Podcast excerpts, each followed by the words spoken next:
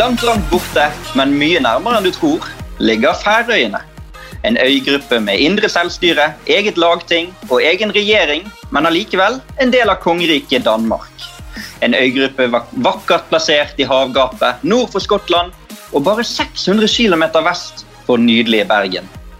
Og ikke minst med en fotballsesong som starter på lørdag. Velkommen til denne spesialepisoden av Premier League-podkasten. Og ukens første gjest er ingen ringere enn denne podkastens egentlige programleder, Kasper Wikestad. Velkommen. Ja, i mangel på fotball i England så tenkte jeg at eh, det var like greit å låne bort eh, podkasten eh, til en liga der det faktisk spilles fotball. Så det er egentlig en stor glede å være gjest i Premier League-podkasten om færøysk eh, fotball. Og Du skal kommentere en av kampene på lørdag? Og ikke hvilken som helst kamp heller. Det Vårens-oppgjøret fra seriefinalen i eh, fjor mellom eh, KI og eh, B36, så det gleder jeg meg faktisk eh, til. Det kunne jo egentlig ikke blitt en bedre åpning på sesongen sånn sett. Det kunne det ikke. Vi skal gå nærmere inn på sendeskjema og helgens planer etter hvert. Men vi skal selvfølgelig ha med oss noen andre. Det ville vært for dumt om du og jeg skulle sitte her og synse om uh, færøysk ball. Det tror ikke vi hadde kommet veldig langt med. Men uh, vår første eksterne gjest i dag da, er noe så uvanlig som en norsk klubbtrener på Færøyene. Forrige sesong var han ekstremt nære ved å lede sitt lag til opprykk til divisjonen vi skal snakke mest om i dag. Så uh, vi håper at han har førstehåndskunnskap til alt som skjer på denne magiske øyen med 50 000 innbyggere. og Da snakker vi om eh, mennesker, ikke sau. Han ble i 2013 kåret til årets unge trener i Norge. Han fikk utdelt pris av ingen ringere enn Nils Arne Eggen. Han har trent yngre lag både i Vålerenga, spillere som Håvard Nilsen og Joshua King. Han har eh, vært med i Bodø-Glimt og trent flere av de som i fjor var nære ved å ta et sensasjonelt gull i Eliteserien her i landet. Men etter et par år som tredjedivisjonstrener for Lørenskog så ble det i november 2018 klart for nye eventyr i dette nydelige havgapet vi nå skal dykke ned i. Og nå er du her for å fortelle litt om uh, din kunnskap. Velkommen, Julian Madsen. Jo, takk for det. Takk for det. Var det noe jeg bommet på der på introduksjonen, eller kan du stå inne for dette? Det må jo være den mest uh, fantastiske introen jeg har hørt uh, noensinne, så kan ikke klage på den. Uh, før vi introduserer vår neste gjest, så bare lurer jeg på, kan du si kort om hvorfor i all verden er du på Færøyene? Hvordan har du endt der?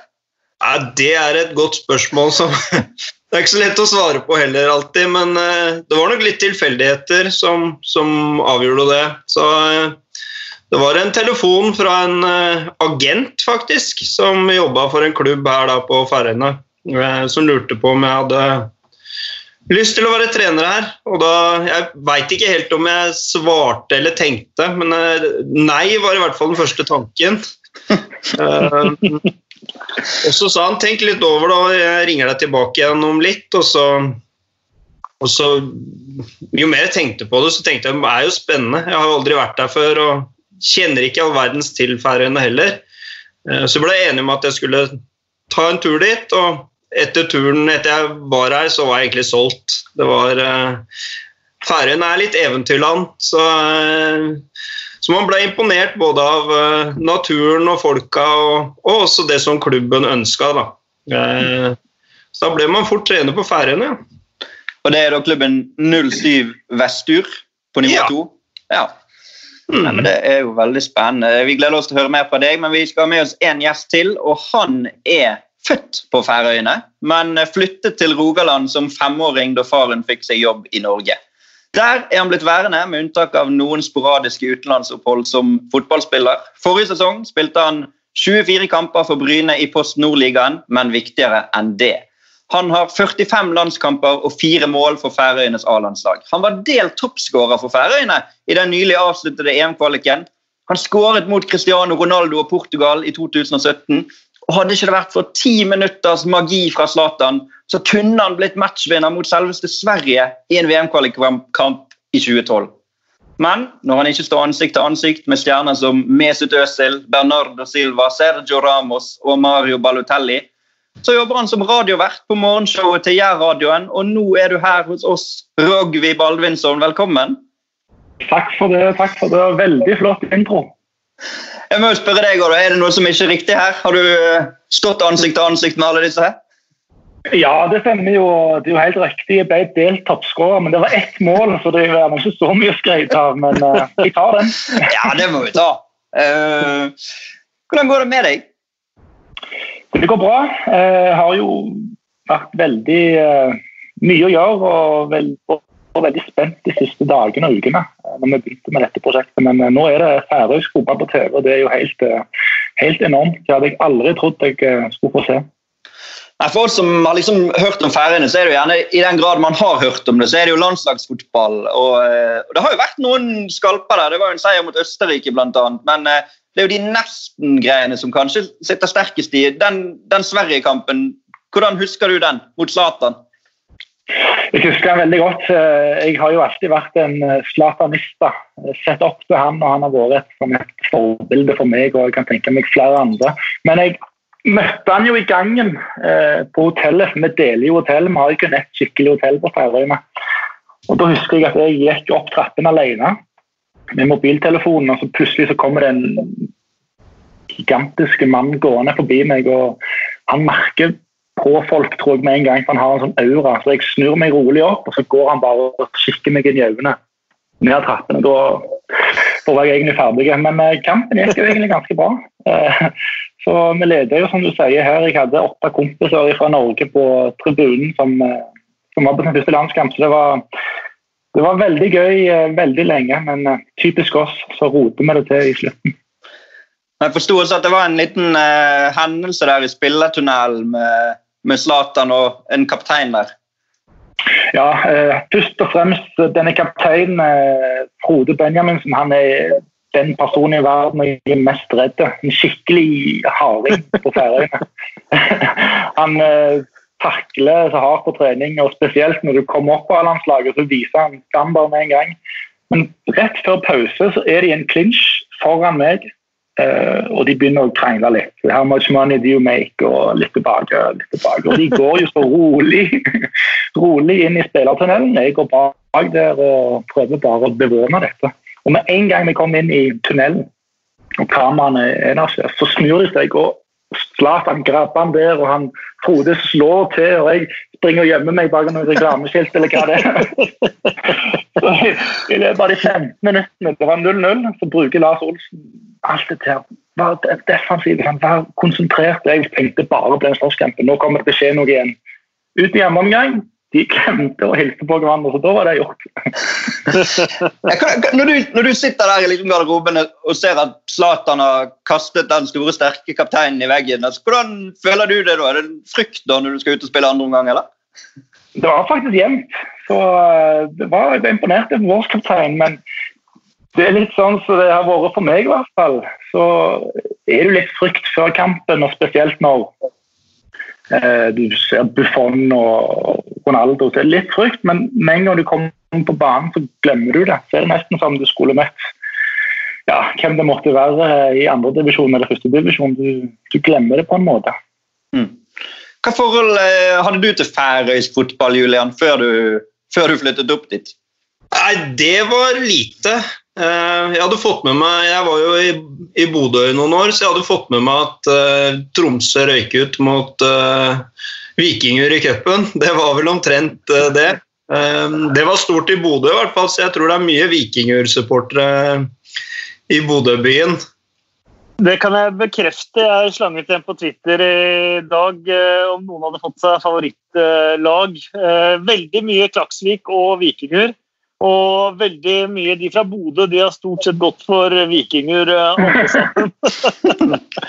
ja, det er jo litt av vår eh, oppgave her i dag. Da, å gå gjennom alle klubbene og prøve å, å, vise hvorfor egentlig alle klubbene skal være mulig å heie på. For det er jo noe ved alle klubber som sikkert en del nordmenn kan eh, kjenne seg igjen i. Så det blir jo på en måte et av hovedintensivene våre her uh, i dag. Men uh, før, vi går, før, vi skal begynne med det å presentere klubbene, så, så er det sikkert noen som lurer på hvorfor Altså, Hvorfor kan de spille fotball på Færøyene, når, når, hele Europa og hele verden ikke kan gjøre det? Hva er det som gjør det? Rogvi, du spiller jo selv i, i Bryne i Norge, og dere trener jo, men det er jo ikke sånn at du skal spille seriekamp til helgen?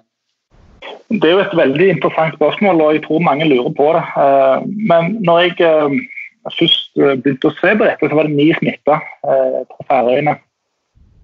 Og Det var vel tre uker siden forrige smitte. Nå er det to stykk. og Det sies at de har ganske bra infrastruktur på sykehuset, og de har en ny metode å teste på. Uh, som har litt med lakselus å gjøre. Jeg vet ikke hvordan, men mest sant og imponerende det er at 60% av befolkningen tror jeg, er testa. Og det er jo helt fantastisk, og kun mulig i og med at det kun er 50 000 som bor der. Jeg vet ikke om du Julian er testa, eller? Eh? Jo, jeg er testa, men uh, den var negativ. Uh, så det er, var noen av spillerne på laget som mente at uh, det er det eneste negative med deg, sa de. Så jeg får, ta, jeg får ta det som et kompliment. Absolutt. Men vi har ikke, vi har ikke merka så mye til korona her som, som, jeg har sett det har vært i Norge. da. Eh, hos oss har vi ingen spillere, ingen rundt klubben som har vært syke i det hele tatt. Så eh, jeg ser ikke på noe som noe skummelt at vi nå skal i gang og spille fotball. Tvert imot, jeg tror det er sunt for folkehelsa her nå. For det, det er mange som ønsker å komme i gang igjen til eh, hverdagen. Mm. Og så er det jo sånn at det, det, dere kommer jo ikke bare i gang der oppe. og det er jo Grunnen til at vi sitter her og snakker om dette. det er jo at Disse kampene skal vises i Norge og direkte på TV 2, og Kasper skal kommentere. altså Merker du det noe på folket der oppe? Du som bor der oppe, er det sånn at Reagerer man på at du plutselig er i et internasjonalt søkelys? Det er hvert fall, De setter veldig pris på det. Eh, det er et samtaleemne nesten uansett i fotballsammenheng hvor du kommer. Da, at det skal vises i Norge. og og De syns det er stort. Eh, og det er klart, Vi sitter og diskuterer eh, en podkast om Premier League, og jeg tror færøysk fotball har aldri vært nærmere Premier League enn akkurat dette her. Så, så, så det er nok stort for eh, færingene, og jeg syns de fortjener det litt også. Det er, det er, kanskje ikke verdens beste fotball, men det kan man si om de fleste ligaer rundt omkring. Men færøyske fotball er i hvert fall noe av det mest sjarmerende man finner.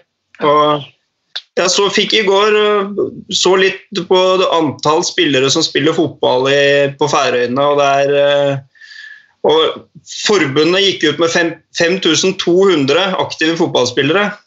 Eh, I en nasjon med 50, litt over 50 000 innbyggere. Så kan man ta bort de som er under 7 og over 40, så er det ganske, da er det høyere enn 10% i den aktive aldersgruppa. Så at fotball er en stor idrett på Færøyene, det er det ingen tvil om. og Folk er interessert, og du følger med. Eh, og at det er Norge òg, tror jeg betyr litt ekstra for dem. For i hvert fall her på Vagar, hvor jeg bor, så identifiserer det seg som litt halvnordmenn, stort sett alle sammen. Eh, selv om man er en del av Danmark, så, så tror jeg flere har følelser til Norge enn til Danmark. Mm. Men Færøyene var jo en del av Norge. Det var jo bare slett eh, slett eh, fulgte med i historietimene hos eh, svenskene da de eh, tok over unionen, som gjorde at eh, Færøyene og Grønland forble i Danmark. Så vi har jo dette, dette båndet. Mm. Eh, men det er jo ikke bare på Færøyene de er entusiastiske. Jeg var på min lokale kolonial i nabolaget mitt her i forgårs. Og alle de naboene som jeg kjenner litt sånn perifert, skulle snakke færøysk fotball og hvilke favorittlag de hadde fått seg, og farge på drakter og sånt noe. Eh, så det er tydelig at eh, Jeg merker jo sjøl, da. Eh, savnet etter å se fotball som faktisk betyr noe, er så enormt sterkt at jeg har nesten ikke sittet stille de siste par dagene. Nei, er, vi gleder oss veldig. Vi skal ta og begynne å, å se litt på klubbene. vi. Før vi gjør det, så har jeg bare lyst til å informere om at det kommer en Færøyene Fantasy for de som er interessert i fantasy-spill. Eh, lanseres på torsdag klokken fire. Eh, da kommer det, Vi har fått noen eksterne til å sette priser og gleder oss veldig til det. Du kommer til å ha deg et lag der, Kasper? Selvfølgelig, og jeg håper at jeg kan få tips til et par spillere i, eh, i podkasten her eh, også. Når jeg snakket med jeg snakket med Simen uh, Simen Sandmæl tidligere i dag. Han spilte jo i, i KI i, i, fjor. Og han mente at uh, han kom til å ligge helt i toppen der. og det, det får en tro på. Hvis man kan få noe inside-tips her også, så er jeg meget fornøyd med det i så fall. Det tror jeg nok du skal kunne belage deg på å få. Vi har samlet det beste av ekspertise her, så vi, vi gleder oss til det. Um, vi tenkte å ta for oss tabellen sånn som den var i fjor. Begynne på bunnen og så eh, komme oss til, eh, til, topps. Og så kjører vi en liten runde med tabelltips helt på slutten hvis vi rekker det. Det tror jeg vi skal eh, få til. Og så er det sånn at det er noen, det er noen lyder her. Et alfabet som er litt ulikt det som vi har her i Norge. og vi, vi kommer kanskje til å gå i noen feller. så jeg vet ikke om du Rogvi, i hvert fall kanskje kan bistå med å, å hjelpe oss litt der hvis, vi, hvis, det er noen ting som er veldig viktig, i hvert fall da, at vi ikke tråkker uti der. Ingen problem. Eh, det skal vi få til. Kan jeg bare komme med et lite innstikk der? Eh, pall uttales det egentlig poll? Poddel? Eh, ja, podd. Med en liten D før. Ja. Heter Veigard Pall Gunnarsson da egentlig Veigard Pottel Gunnarsson? Ja, men uten en E imellom D-en og L-en, så bare Poddel. Poddel. Jeg tror, eh, tror, du og Rogvin må ta en sånn eh, ekstrarunde etterpå, Kasper, så ikke vi bruker hele tiden på det. Men eh, det er jo noen Det var, det noen, den var artig. Ja, det er noen lyder, så vi, eh, vi, får ta det litt etter hvert. Men vi begynner på, eh, på bunnen, da, i fjor, eh, og som på litt merkelig vis ikke rykket ned. Det er jo da Ja, for det er jo ikke det IS, men det er vel da Øy, ØIF. Nesten, nesten som et Y. OIF. OIF. Men IF er forståelig, altså. Jeg skal klare å forstå det. Men uh, den lange versjonen av navnet må jeg tro jeg må overlate til deg, Rogvi. Hva er det den forkortelsen står for? Uh, Fuglafjørder. Nettopp. Og da Klarer du den? Fuglafjørder! Ja, ja. Veldig bra. og det, det, som er litt spesielt med de, er jo at de havnet nederst i fjor med seks poeng på 27 kamper, men allikevel rykket ikke de ned. Og Julian, du som hadde et lag som kjempet i toppen i divisjonen under, kan du prøve å forklare oss det? Hvorfor det var sånn? Nei, Det er store forskjeller eh, internt i Eliteserien og også mellom divisjonene. Um, nå tror jeg nok de underpresterte en del i fjor. De har uh, Fuglefjord, som jeg vil kalle dem for. da. Uh, eller IF. Uh, de har en del gode spillere.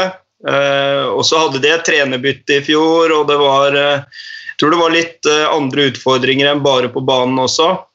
Så, så, jeg tror nok seks poeng det tror jeg var det dårligste de klarte å få til. Men jeg tror de kommer til å overgå det ganske fort i år.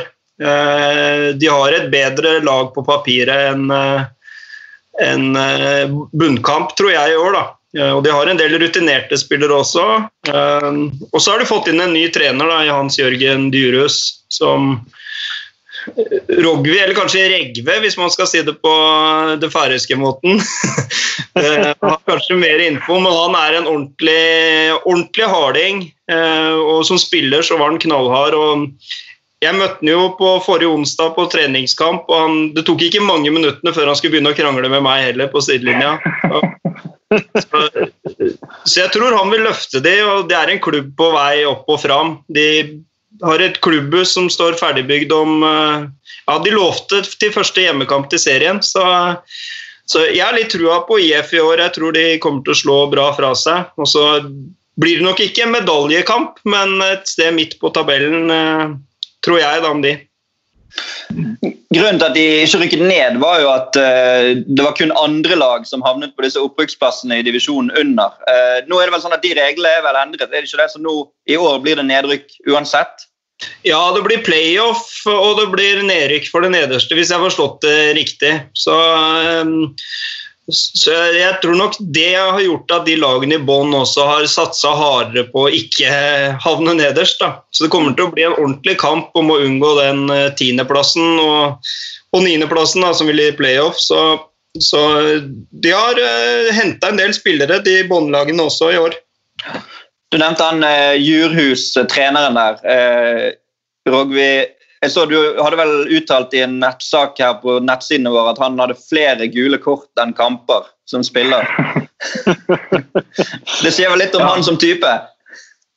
Som type er han faktisk helt gullfine. Han uh, var med på én landslagssamling. Jeg tror han var 36 år, som er ganske rart uh, i seg sjøl. Men uh, da takla han faktisk han Frode Benjaminsen. De hadde en clinch på trening.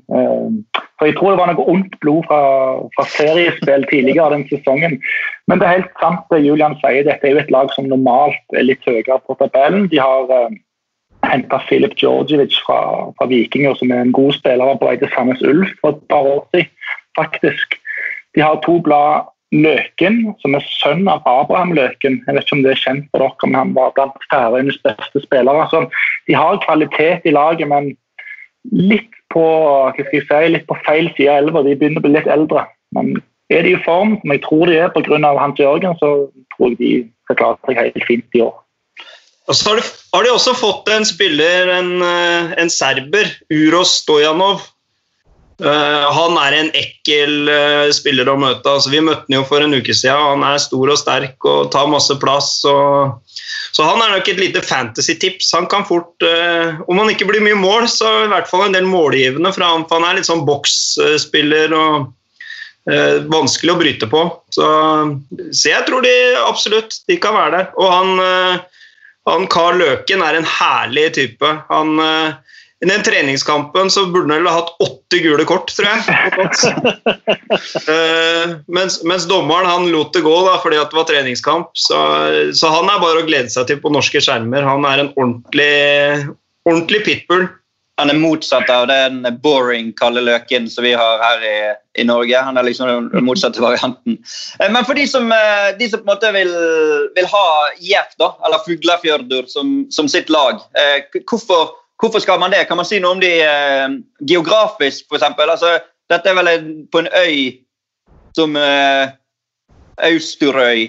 Altså, hvordan, hvordan, er man ut Var det riktig? Jeg ser du smiler der, Rugby. Ja, solid. Veldig solid.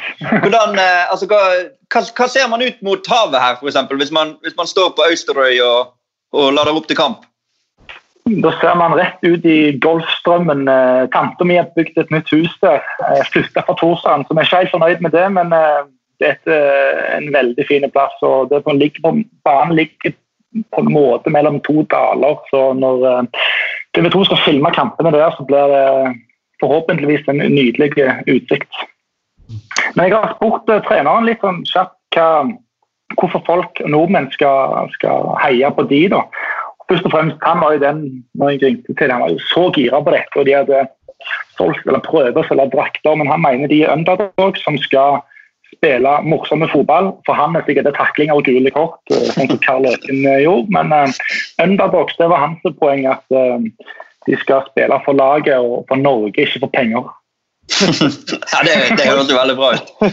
og Lillestrøm-fans, de for dem burde det være enkelt å kjøre en Fuglafjørdur. Ja. Jeg vet ikke om du liker Lillestrøm, gjør det det, Julian? Nei, ikke voldsomt Og jeg må jo si at Fuglefjord sin utsikt fra banen er alt annet enn Åråsen. Så Og så har de vel, de har vel røde drakter, ikke det? Og ikke jo. gule. Men, jo. men, det er jo litt tilfeldigheter. Noen velger favorittlag på drakter, og noen på logo. og litt, så Det er mange faktorer her. Og så er det vel de har vunnet ligaen én gang, og det var i 1979. Så hvis du har på en måte sansen for sånn, eh, en gammel storhet, så, så, kan jo dette være en variant. Så eh, jeg tror vi går videre til neste lag. tror vi er gjennom det meste der, og Da er vi på eh, det som vel er en sammensetning av to klubber, egentlig. EB e Streimur. Veldig bra. som er fra Streimnes som er da eh, på Streimøy. Og Det er samme øyen som Torshavn ligger på, men dette litt lengre nordvest. Så et lite stykke utenfor eh, hovedstaden, da, så vet jeg jeg har forstått det. Og en, en ganske liten bygd, har jeg skjønt. Ja, Det som er spesielt her, er jo at uh, de har jo to stadioner. så De bytter mellom Eie og på Streimøy, så i år har det kommet til det meste. Så den faste fanskaren de må alltid bytte stadion, så det blir aldri hjemmebane. Men det er helt sant. De eh, er det laget som vanligvis får unge spillere fra toerlagene til B36 og HB. Og Det ser vi jo i år òg med Bjarne Pettersen, som er U21-landslagskapteinen. En bra signering, men eh, et ungt og urutinert lag. Men uh, er det også det eneste laget som kun har færøyske spillere? Ja, det er veldig godt uh, observert, det. Så De har jo ingen penger. De har uh, hatt mye penger før, bl.a. en uh, kollega på landslaget som fikk et hus og å signere for dem. Jeg vet ikke hva det var verdt, men han fikk et hus. Det er ikke noe sånn veldig bærekraftig utvikling i lengden det kanskje, å gi hus i, i lønninger. Men de vant jo ligaen. Ja. Korrekt. I 2012 var det vel, og da var det han Arnbjørn Hansen som var on fire. En, en, en god spiller som er altfor mye skada. Og litt for glad i pizza, kanskje. Ifølge han sjøl. Jeg, eh, jeg så et sånt gammelt bilde, eller den tidligere hjemmebanen der. eller noe sånt. Jeg, jeg googlet bildet der. Sånn enormt spektakulær beliggenhet. Han lå på en måte helt nede med, med vannet, men jeg leste et sted at den var nå blitt campingplass i stedet. På fotballbane. ja, det er helt sant. Jeg har aldri vært der på campingtur, men eh, jeg vet ikke om det er populært for folk fra Vagar. Jeg vet ikke, William.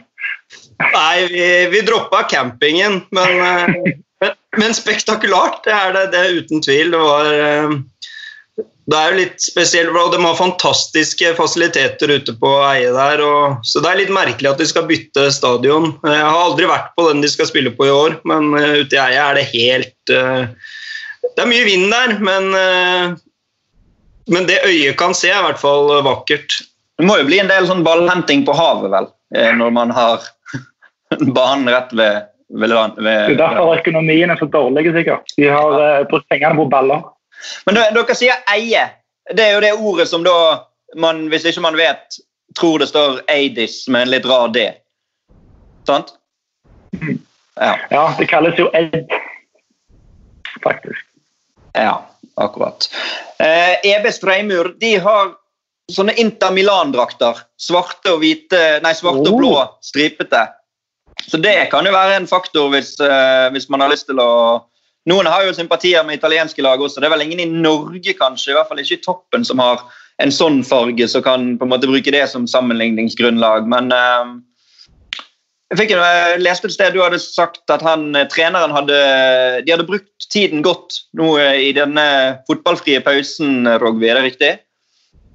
Ja, han er, en, eh, det er et ganske ungt lag. og ganske han var jo der i fjor òg med en ganske uprøvd trener som har trent mest ungdomslag på, på landslagene. Uh, men de har visst trent veldig bra. Uh, ungdommer som ikke har fått det til i de store klubbene på Færøyene, men nå prøver seg.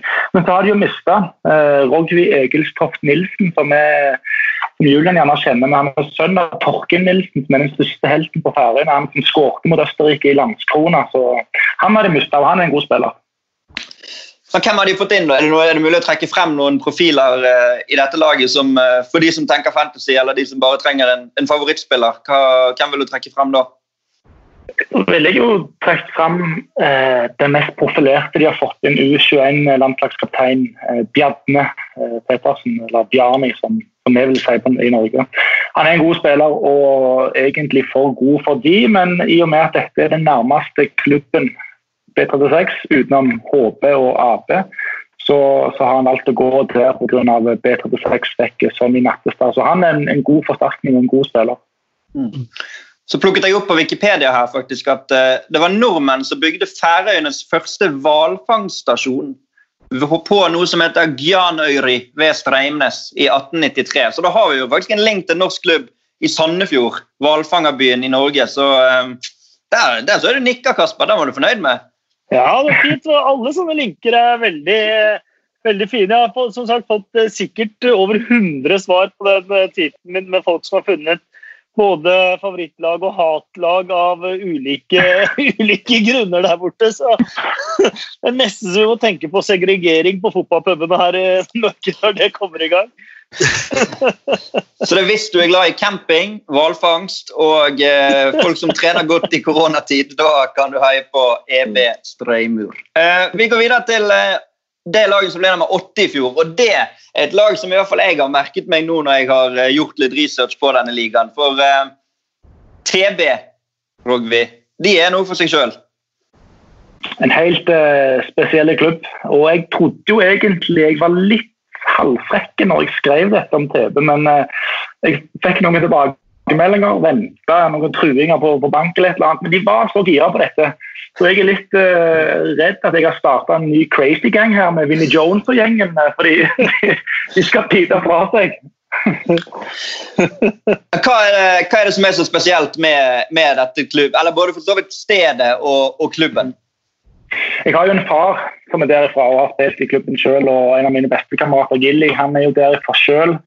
Eh, når du er der Det kan jo også du svare på, gjerne Julian, hvis du har vært der, men det er veldig, en veldig øde plass. Min nåværende lagkamerat Luke Jeggo, som har spilt i Florø, han spilte der i fjor. Og han var på nabobygda for litt festleder da, med, med lagkamerater, bl.a. med Pål Ingasson. De var på en bar, og da får han beskjed ikke snakk med de damene her. Og Luke Jacobs med en kjekk kar fra Australia, der han gjorde selvfølgelig det. Snudde seg, ble slått rett ned. og, der, og der reiser seg opp, så ser han en kar som eh, hopper i det. da, og Du kan jo gjette hva, hva spiller fra TB som, som gjorde det. ja, jeg kan jo gjette at det kan ha vært denne kapteinen Paul eh, Ingasson. Eh, når, når jeg har lest om han, du kan jo fortelle om han, da ser jeg for meg eh, denne fergen som tar to timer, for de er jo fra en øy to timer fra fastlandet. Da ser jeg for meg en, sånn, en slags sånn sekt av TB-supportere med kapteinen i front med vikinghjelm og tribals og liksom Ai, ai, nå skal vi ut på tokt. Er, det, er vi inne på noe der, eller? Ja, absolutt. Og mange vil jo mene at B36 håper det største rivaloppgjøret, men egentlig er det TB mot eh, FC Soderøy. Eh, som faktisk slo seg sammen til mange fortvilelse for, eh, for to-tre år siden. De er nå oppløst og spiller ikke i samme divisjon, men det er helt sant. Det er vikinger. De er steinharde. De er jo født oppi langt ute i havgapet, altså enda lenger fra de som bor i Torsland. Så det, det, er tøff mentalitet. Og så er det ikke så verst heller. Et veldig godt fotballag som jobber steinhardt. Og Maurice Ross var jo der òg for et par år siden. Det er jo en nydelig match. Maurice Ross og det er jo han elsker, elsker tida der, og han elsker Pål Ingasson. Ja, sånn, han, er, han, er, litt sånn skotsk, han Ingasson da, kanskje? Ja, i hvert fall på vikingtida skotske. Ja. Hvordan, eh, ja, unnskyld. Vær så god. Kan jeg bare spørre om den linken mellom Færøyene og Skottland? for jeg ser at Veldig mange av spillerne i den færøyske ligaen eh, har vært innom på et eller annet nivå i, eh, i Skottland i løpet av karrieren? Ja, i hvert fall noen. Uh, Atle Gregersen han har jo vært i Ross County. Og, og, Jeg vet ikke om så mange andre som har vært i Skottland. Uh, noen har vært i England. men uh, jo, Gilly og Hadle var i Aberdeen, og Roger Holm, som har lagt opp nå, var også i Aberdeen. rakk å debutere. Jeg tror ja, så at det kan... Tre-fire i KI og sånt og har, har liksom vært inne. og mm. At det er flere som litt nedover i divisjonen i Skottland og sånn?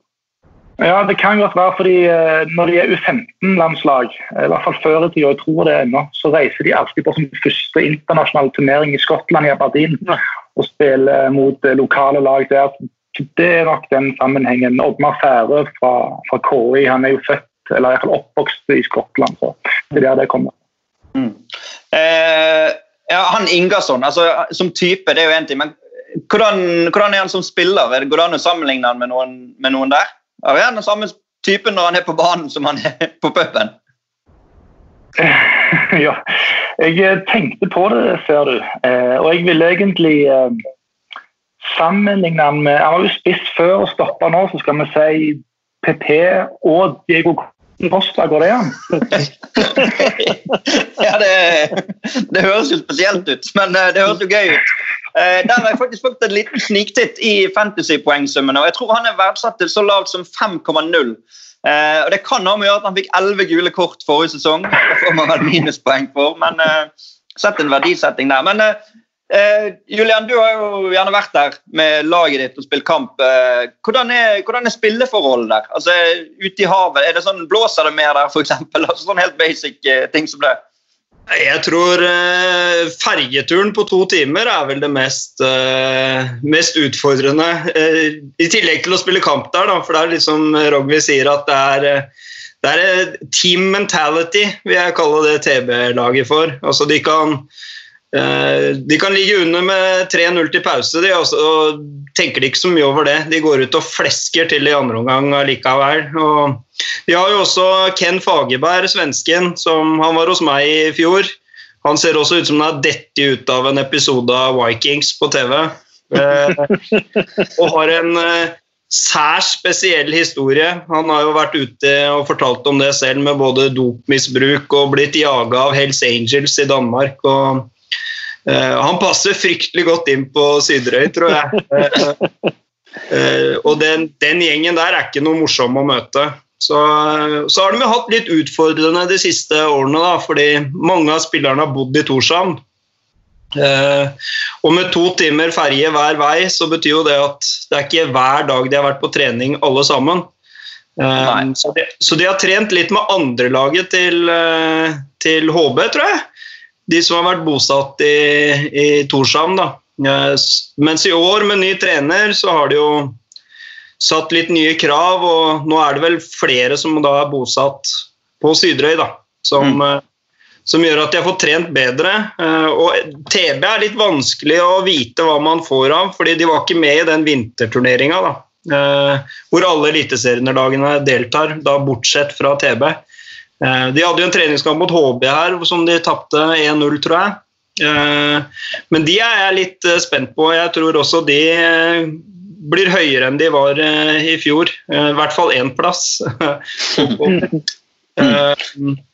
så et, tøft mannskap, og jeg tror det norske folk vil like det de ser fra dem. Altså, det er steinhard jobbing og duellkraft og styrke. og Så har de også fått inn noen unge dansker som ikke jeg kjenner så godt til, men som det snakkes høyt om her på Færøyene, i hvert fall at det er gode spillere. Og så er det jo det eldste eh, laget i ligaen òg. Eh, ble stifta i 1892. Så kultur og tradisjon, det har de. Mm. Og syv ligatitler òg, selv om den siste kom i det året jeg ble født, faktisk, 1987. Så det er jo sikkert mange i Norge som kan kjenne seg igjen i en sånn klubb som er en gammel storklubb. Har en, eh, en, egen, en særegenhet. altså vi snakket så vidt om det før vi gikk på sending, Rogby, meg og deg, om dette, hvis du skal finne en ekvivalent i Norge så er det jo egentlig alle lagene på Vestlandet i Norge som passer ja. best. Skal vi si Bryne, da? Altså, Bryne vant jo cupen i 1987. Så ja, det Stemmer det. Jeg har jo Jan Halvor Halvorsen som trener, og vi snakket om det i dag. faktisk Han tapte jo spilte for Brann.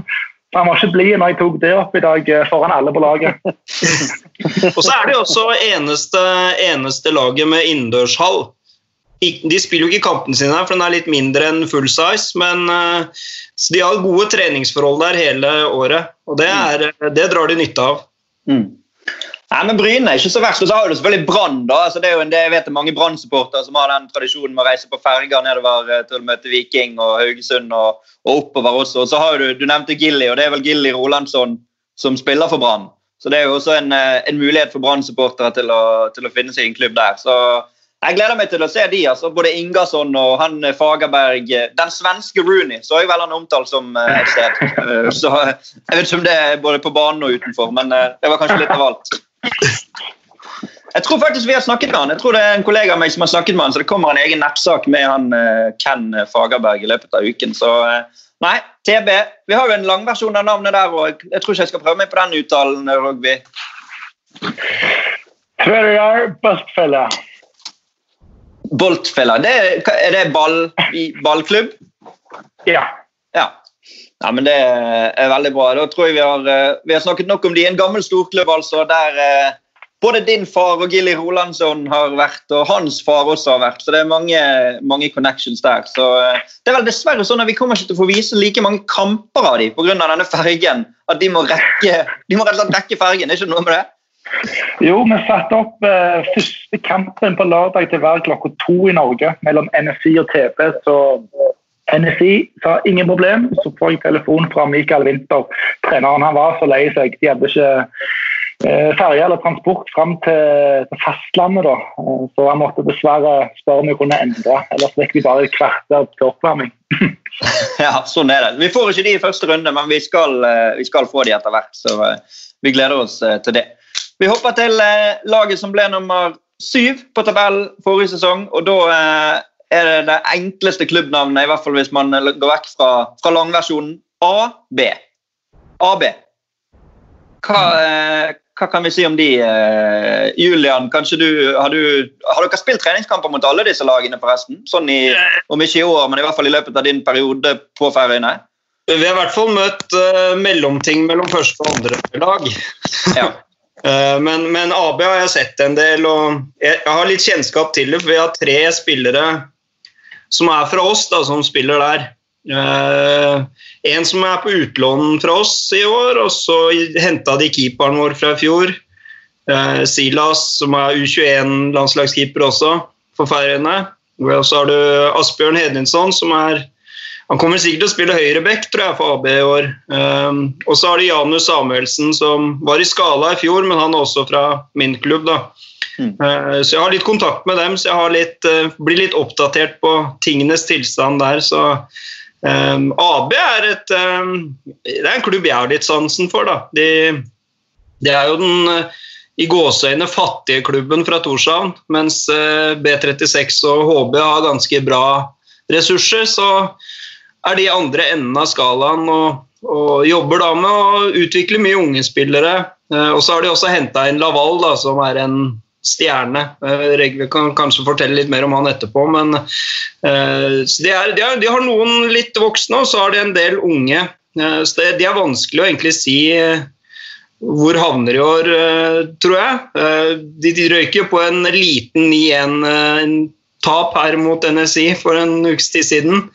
Eh, men eh, får de trua på det de holder på med og får en god start, så tror jeg, eh, tror jeg AB kan overraske litt. Men de blir nok nede i bånn der, tror jeg.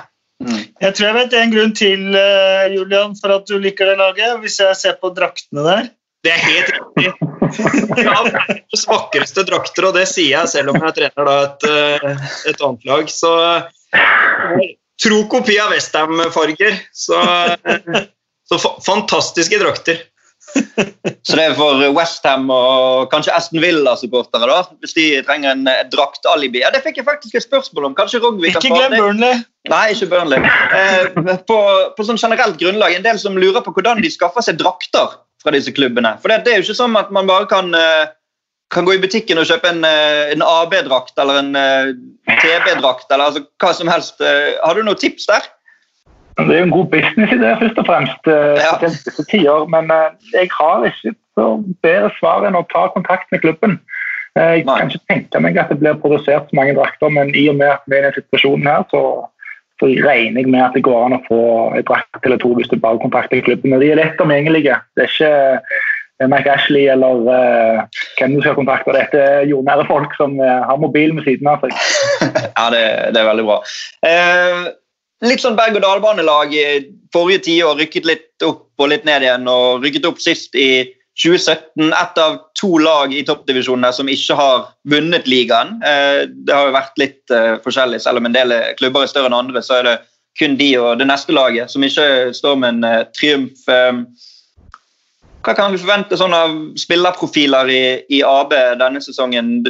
Julian nevnte han Laval. Hva, hva, er egentlig han, for oss som, ikke, for oss som er ny i gamet? Hva er han i, i færøysk målestokk?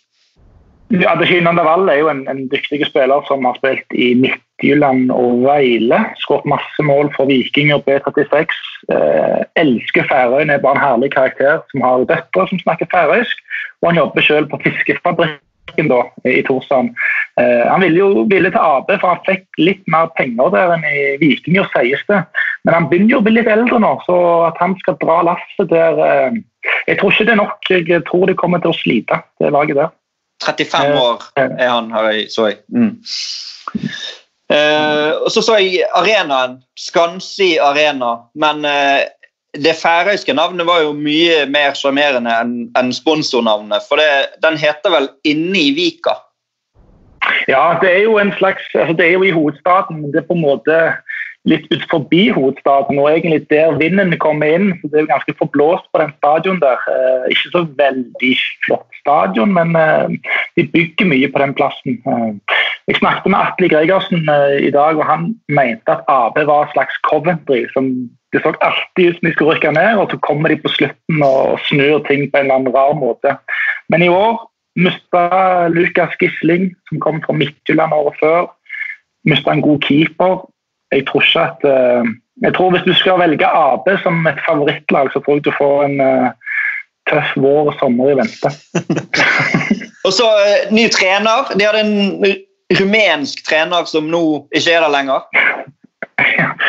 Han tok over jobben og etter et par treningsøkter så tror jeg han innså at dette gjerne ikke var det han håpte på i form av kvaliteter. Det får jo han selvfølgelig stå for. Så han ble litt uh, uenig med styret, og da tok Simen Samuelsen en av uh, de helt beste spillerne etter mitt syn, i hvert fall vi har hatt på Færøyene. Han er ny, altså ny som trener. Aldri gjort det før. Vant cupen med HB i fjor.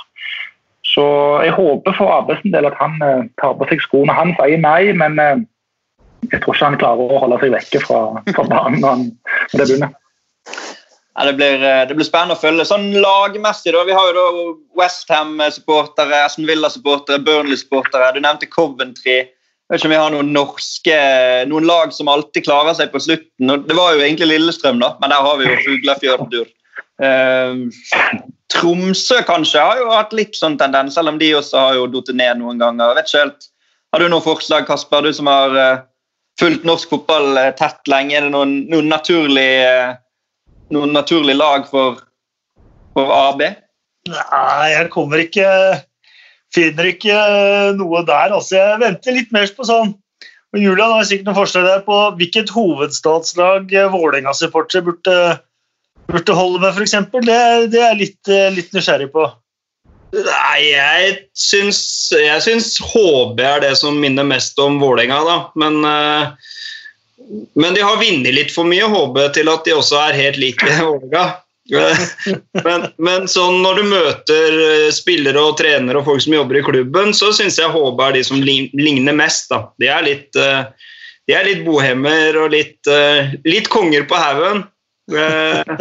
Jeg syns kanskje HB av de, det jeg, inntrykket mitt, i hvert fall, de som ligner mest. Mens B36 er litt mer, eh, litt mer høye på seg sjøl, kanskje. I hvert fall når du møter de, da. Så, så, jeg vet ikke, men det er mine, mine inntrykk, i hvert fall. Nå ser jeg Regvi er ikke helt enig her. Jeg er jo eh, fra Torsand og eh, oppvokst med B36. Min mor har spilt og min far har spilt og min morfar har spilt. Jeg er sponsor og de styret, så jeg er ikke helt enig. Nei, vi får bare glede oss til vi skal, vi skal jo innom disse klubbene etter hvert, så vi får glede oss til hvordan eh, det utvikler seg da. Men da um, forstad til hovedstaden kjempe i bunnen. Skal vi prøve oss på Mjøndalen, f.eks.? Selv om de ikke har den store tradisjonen i, i, norsk toppfotball de siste årene, i hvert fall, så er det i hvert fall en klubb som er like utenfor Oslo. og Noen ting å, å glede seg over.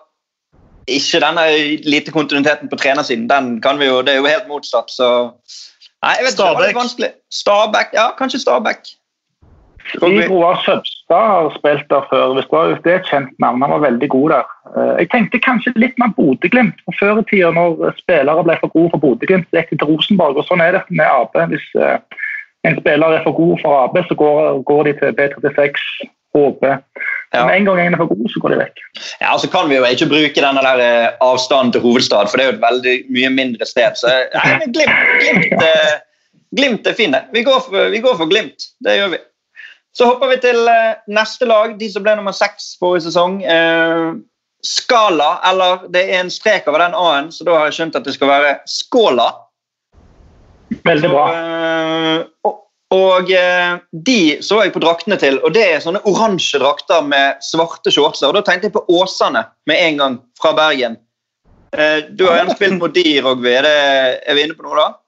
Ja, den er fin. Det er jo ikke så mange uh, lag i det hele som har oransje drakter. Den Åsane, jeg likte den. Ja. Hva kan vi si om, uh, om Skåla fra Eistorøy? De har en veldig ambisiøs trener, Bill McLeod Jacobsen. Uh, han mista mange spillere i år. Frode Benjaminsen var vel 40 år i fjor. Han har slutta der nå. Det er et massivt savn for han. De har mista spillere, bl.a. høyrebekken eh, Ari Olsen, som var på prøvespill i Wolverhampton. Han har gått til Vikinger. Og Jakob eh, Jakob Jakobsen, han heter, eller Jakob Johansson, han har også gått vekk til Vikinger. Så de har mista de beste spillerne. så det, det ser tøft ut for Skala, som jeg tror kan slite helt helt i bunnen. I år har jo ingen penger heller til å, til å forsterke seg. Mm. Så har de også han Edvin, som har, har vært god på midtbanen her. Han er skada, tror jeg. Eh, kneskadd hele sesongen. Så så ikke ta han på Fantasy. altså hva eh, Minst penger, altså lavest lønnsbudsjett i ligaen, forsto jeg. Eh, Skåla. Hva, hva, vil det si? Altså Hvor mye, hvor mye tjener de som tjener minst på Færøyene? Ja, Det er jo de og Ebbe Streim som har minst, men, eh, men Skala har iallfall gått ut med det har sagt at de spillerne får rundt 1500 kroner. Om det norske eller danske vet jeg ikke, det er ikke så mye å si. Så 1500 kroner ligger de i snitt på. De har jo Ron, eh, Ronny Møller Iversen som de har henta for Vikinger. og spiller til Danmark. Veldig god spiller, som blir helt avgjørende for de. Han får nok litt mer enn de 1500 måneder, det er jeg helt sikker på. Mm. Du nevnte han eh, treneren Bill McLeod Jacobsen. Jeg forstår at han har vært treneren din på landslagsnivå? Ja, jeg tok meg ut eh, når jeg var, var 19-20 år. Fikk spille mot Andorra. Ga meg sjansen når eh, jeg var et uskrevet blad for Færøying i hvert fall. Men jeg, eh, hvis det er rom for litt selvskryt, så klarte jeg å skåre den kampen som vi vant. Så han har eh, en veldig herlig type. Han har vel den høyeste trenerutdannelsen der er òg. Han kombinerer sin eh, rolle som eh, ledelsesansvarlig på sykehuset og så han er utdannet bankmann, og i tillegg eh, tar han fatt på sine trenergjerninger. Så en, en, god type, men det blir tøft for, for Skala. Jeg nevnte i sted at det er to klubber som ikke har vunnet ligaen. Dette er da den den andre av de toppklubbene per dags dato som ikke har vunnet ligaen. Men de tok sølv i 2005, og da møtte de Start faktisk i Uefa-cupkvalifisering året etter. Det var jo eh, på den tiden Start hadde vært et topplag i Norge i forkant, men eh, Skåla tapte 0-1 hjemme og 0-3 borte og 0-4 til eh, sammen. Kan du huske Skåla mot Start, Kasper? Du har jo sett mange kamper opp gjennom årene. Jeg husker ikke den. Beklager. Det er helt greit. Men får, du noe, noe vibber til potensielle norske ekvivalenter til Skåla? Bortsett fra Åsane, da. Som det kan jo være Åsane, vi kan jo, vi kan jo lansere de. Ja, bortsett fra ja, Det er, det er smalt av forhold til Åsane òg, altså, men uh, draktene er jo kanskje litt uh, Wolverhampton. Og så kanskje litt sånn uh, HamKam. HamKam har jo også alltid vært der, men vunnet uh, særdeles lite. Mm. Ja, HamKam, HamKam skal vi jo komme tilbake til seinere, for de har jo en connection til, uh, til noen andre lag her, rett og slett på, på spillersiden. Men eh, altså denne Eistoroy, da, som, hva, hva, hva, er det? Altså, hvor, hvor er skala på, på Eistoroy? De ligger, de ligger i skala, skala. Det er ei bygd som ligger litt langt ifra egentlig alt. Eh, ganske fint. Jeg har ei strand der, men uh, nei, det ligger litt langt ifra alle. Så det er liksom det, Håper ikke jeg fornærmer noen færinger som hører på, men det er ikke så mange som snakker, snakker om skala. Uh, hvis du er derfra, så er det fantastisk, men, men ja. Det ligger litt på bygda. Mm. Og så har de også HamKam! Så har de også den lengste veien fra garderoben og ut i banen. Det er, eh, du må smøre deg med tålmodighet når du rusler ut av garderoben og skal inn på banen i skala. Det kan eh, I hvert fall i fjor. Jeg vet ikke om de har bygd om på tribunen, men eh, da var det en tominutterstur for å komme seg ut på banen. Jeg har aldri vært jo, jeg har vært på én gang, aldri på banen, men etter den kampen her for U21-landslaget når vi vant, og min debut, så var jeg på fest der av alle ting. Uh, en av de første gangene jeg var på fest på Færøyene, når jeg kom inn i huset, så hadde de en stor fiskesuppe som lukta så mye. Jeg skjønte ingenting, men det var litt vanlig der. Så det var på skala. så fiskesuppe, hvis du er glad i fiskesuppe, hvis du er glad i litt sånne steder som ingen har noe forhold til, og oransje drakter, så er du godt inne på noe med skåla. Skala. Femteplass forrige sesong. Da er vi på et klubb som har blitt referert til et par ganger allerede, nemlig Vikingur, selv om der har jeg også skjønt at uttalen er en helt annen. Jeg spurte Mina Finstad Berg, som er vår fotballekspert og som er utdannet språkviter. Hun hadde selvfølgelig eh, et fag på eh, universitetet som var færøysk uttale av eh, alle ting. Så det kan jo anbefales til alle som faktisk ikke nødvendigvis kan ringe til Rogvi, selv om folk kan vel ringe deg òg hvis de lurer på ting. Men du skal vel slippe å bli nedlesset med ting, du også. Og Hun sa at her var det da først den spreken streken over i-en, som er en diftong som blir noe sånn oi, oi, som vi har snakket om allerede. Og så er det det at K før I skal uttales som en tsj, en slags sånn ch-lyd. Eh, så da i stedet for vikingur, så blir det vel noe à la Woichinger, eller noe sånt. da. Eh, det, det var nesten. ja. ja. Julian, har du et bedre forsøk? Nei, jeg kaller de viking, jeg, så det, det fungerer fint for meg. Den eh, korrekte Wuchingor. Wuchingor. Ja. Wuchingor. Ja, Vucingor. Nei, jeg tror nok at de jeg tror de vil bli vikingur for, eh, for det norske TV-publikum fremover. Eh, det, det, tror jeg vi kan, kan, gjøre med god samvittighet. Men det er jo, dette er jo kanskje definisjonen på det mange ser for seg. En viking i logoen, lyseblå drakter, litt sånn svart på skuldrene. Og navnet Vikingur. Det, det klinger, det. Ja, veldig. Og så er det jo eh, altså, De ligger i Gøtu, som er innehaver av kanskje den beste festivalen Eh, på Færøyene som heter G-festivalen. Den er på sommerstid helt nydelig nærme stranda i Gøtu. Eh, så hvis du Julian ikke har vært der ennå, og hvis det blir det i år, så anbefaler jeg deg å gå der. Den er, den er bra. Absolutt. jeg har ikke vært der. Har vi eh. noen lag i Norge som har Stavern, da? Stavernfestivalen, som er Vær så god, Kasper. Ja, jeg bare ser på Twitter at uh, samtlige fra Stavanger som holder med Viking, de har allerede valgt seg uh, vikinger pga. navnet. Han ene naboen jeg traff på Kolonialen i forgårs, han hadde også gått for vikinger pga. de lyseblå draktene. Uh, og når jeg ser uh, spillerstallen, så er det jo et par utrolig spennende typer. Du har jo en nigerianer, Lawal, som har spilt på øverste nivå i i Danmark, ser det ut som, og som ser ut som har gjort det veldig bra de siste sesongene der. Også en, eh, en Jeg er sikker på det står eh, ved siden av fotballnomade, så jeg er sikker på det må være bilde av denne serberen Tomic. For han ser ut til å ha vært i alle land i eh, østblokken i, i hele Europa og spilt, uh, spilt, fotball. Fra Kasakhstan til Romania til Albania og hjemme i Serbia og overalt. Og kommer fra Aserbajdsjan til, til Færøyene. Så det, det, er noen spennende typer der, ser det ut som. Ja, Ann Laval det var vel han som, han spilte vel for de frem til denne sesongen og gikk til AB. Det var han vi, vi nevnte i sted. Ja, men, det. Eh, men, eh, men, det er jo helt riktig at han har vel en karriere i Vikingur, som du også sa, Rogby. Men den største legenden her er vel kanskje Atli Gregersen, eller? Ja, han, han er helt enorm og en kar som jeg er veldig stor fan av, både på banen og utenfor banen. Jeg, har, jeg jobber nå med å få tak i en video som jeg tok i uh, spillergarderoben før Malta eller Romania hjemme i år. og ja, jeg, jeg skal få tak i den, og så skal vi legge den ut på TV 2, for den er helt enorm. Men selve laget er jo hva skal jeg si, som et dødballag. Eh, store, rutinerte, tunge menn som eh, har egentlig alltid spilt veldig kjedelig i gåseøyne fotball gjort det bra, vunnet cuptitler, vunnet serietitler de siste åra. Nå har det kommet en ny trener inn, han som var i Skala i fjor. Eh, som ja, Nå skal vi spille possession-fotball og fremoverretta. Jeg tror ikke de er lagd for det, men de har fortsatt et par gode spillere. Og Atli han er jo en fin type, men en veldig bra fotballspiller. Eh, gammel og treig, men enorm teknikk, forståelse. Påvirker dommerne eh, som bare han kan gjøre. Eh, Nei, Et spennende lag. Og så har de fått tak i Finner Justine, som kan være fantasy-tips. Litt merkelig karriere. Aldri vært noe særlig på landslaget. Har tre eller fire kamper og null mål.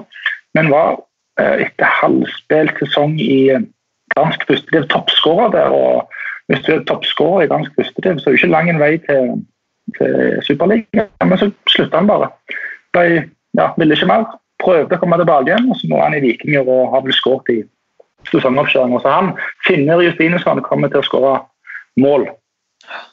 Ja, så har du i tillegg han Lukas Sislevic, da, som kom fra B36. og han, han, var den første jeg la merke til her på, på Færøyene. Han, han, ser ikke spesielt ut som en fotballspiller, men uh, han gjør noen magiske ting med ballen.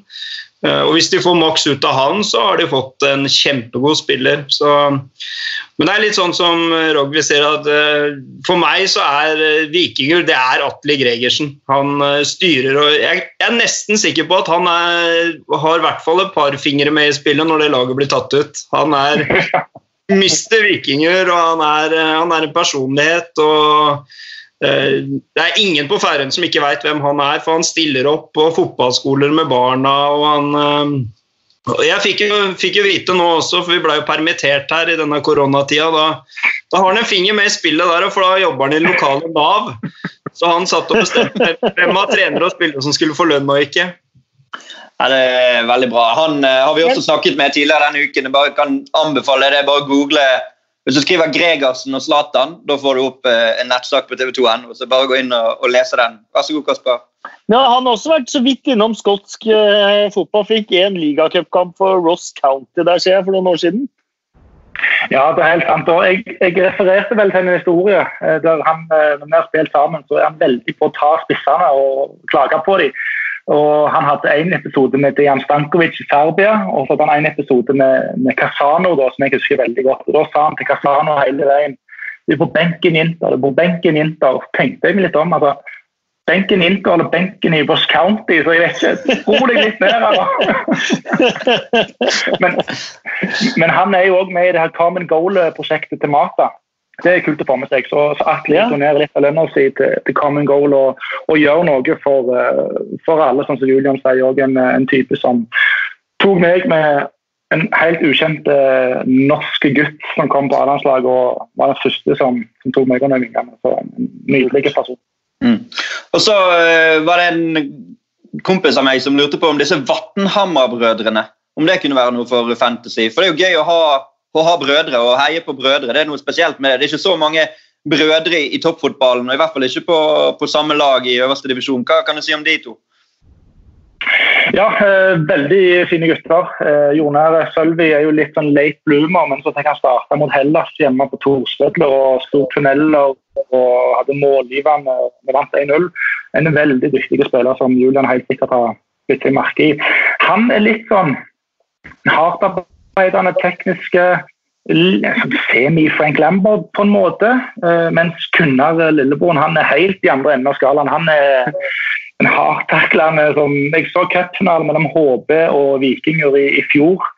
Og i ekstraomgangen så ble han albue av blodet blod fossa ned fra hodet så han gikk på sidelinja.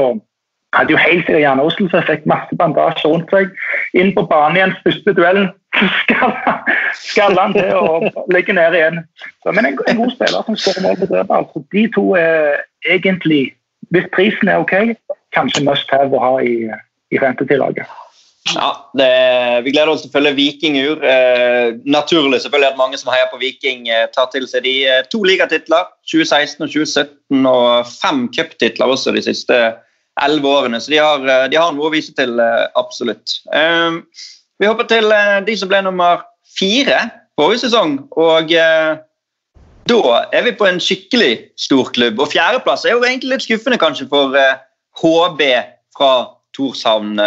Julian, du som er der oppe, merker du at dette er Dere var jo så vidt inne på det litt i sted, men er dette den største klubben, selv om ikke de, de vant og har vunnet de siste årene? Eller de vant vel i 2018, da.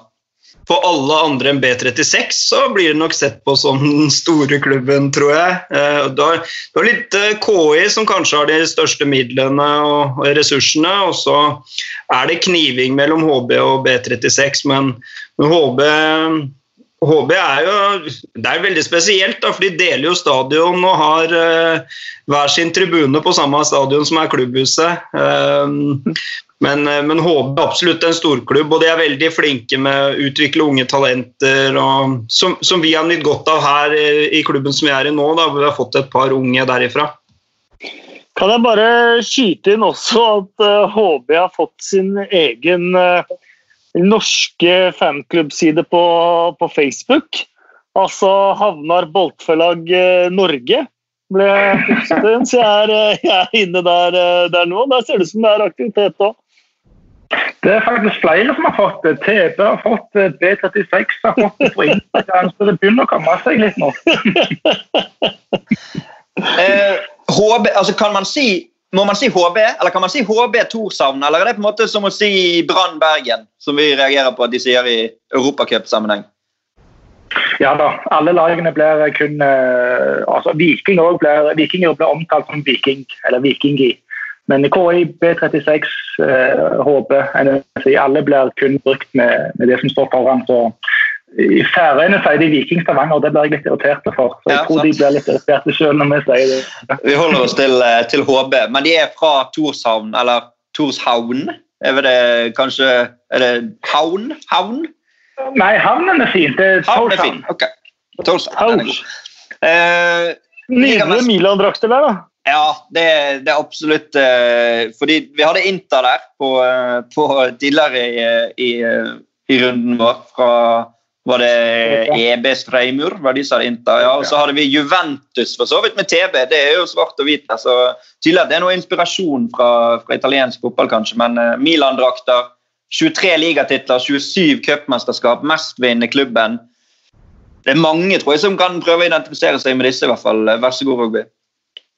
Ja, helt sant. HB eh, er jo et, eh, et, veldig godt lag fortsatt. Jeg har jo snakket om Adrian Justinussen, som er en eh, Høyrefoten hans er nesten ubeskrivelig. Det verste av alt er at keeperen Teitur Gestson har nesten en litt bedre skuddfot og frisparksfot.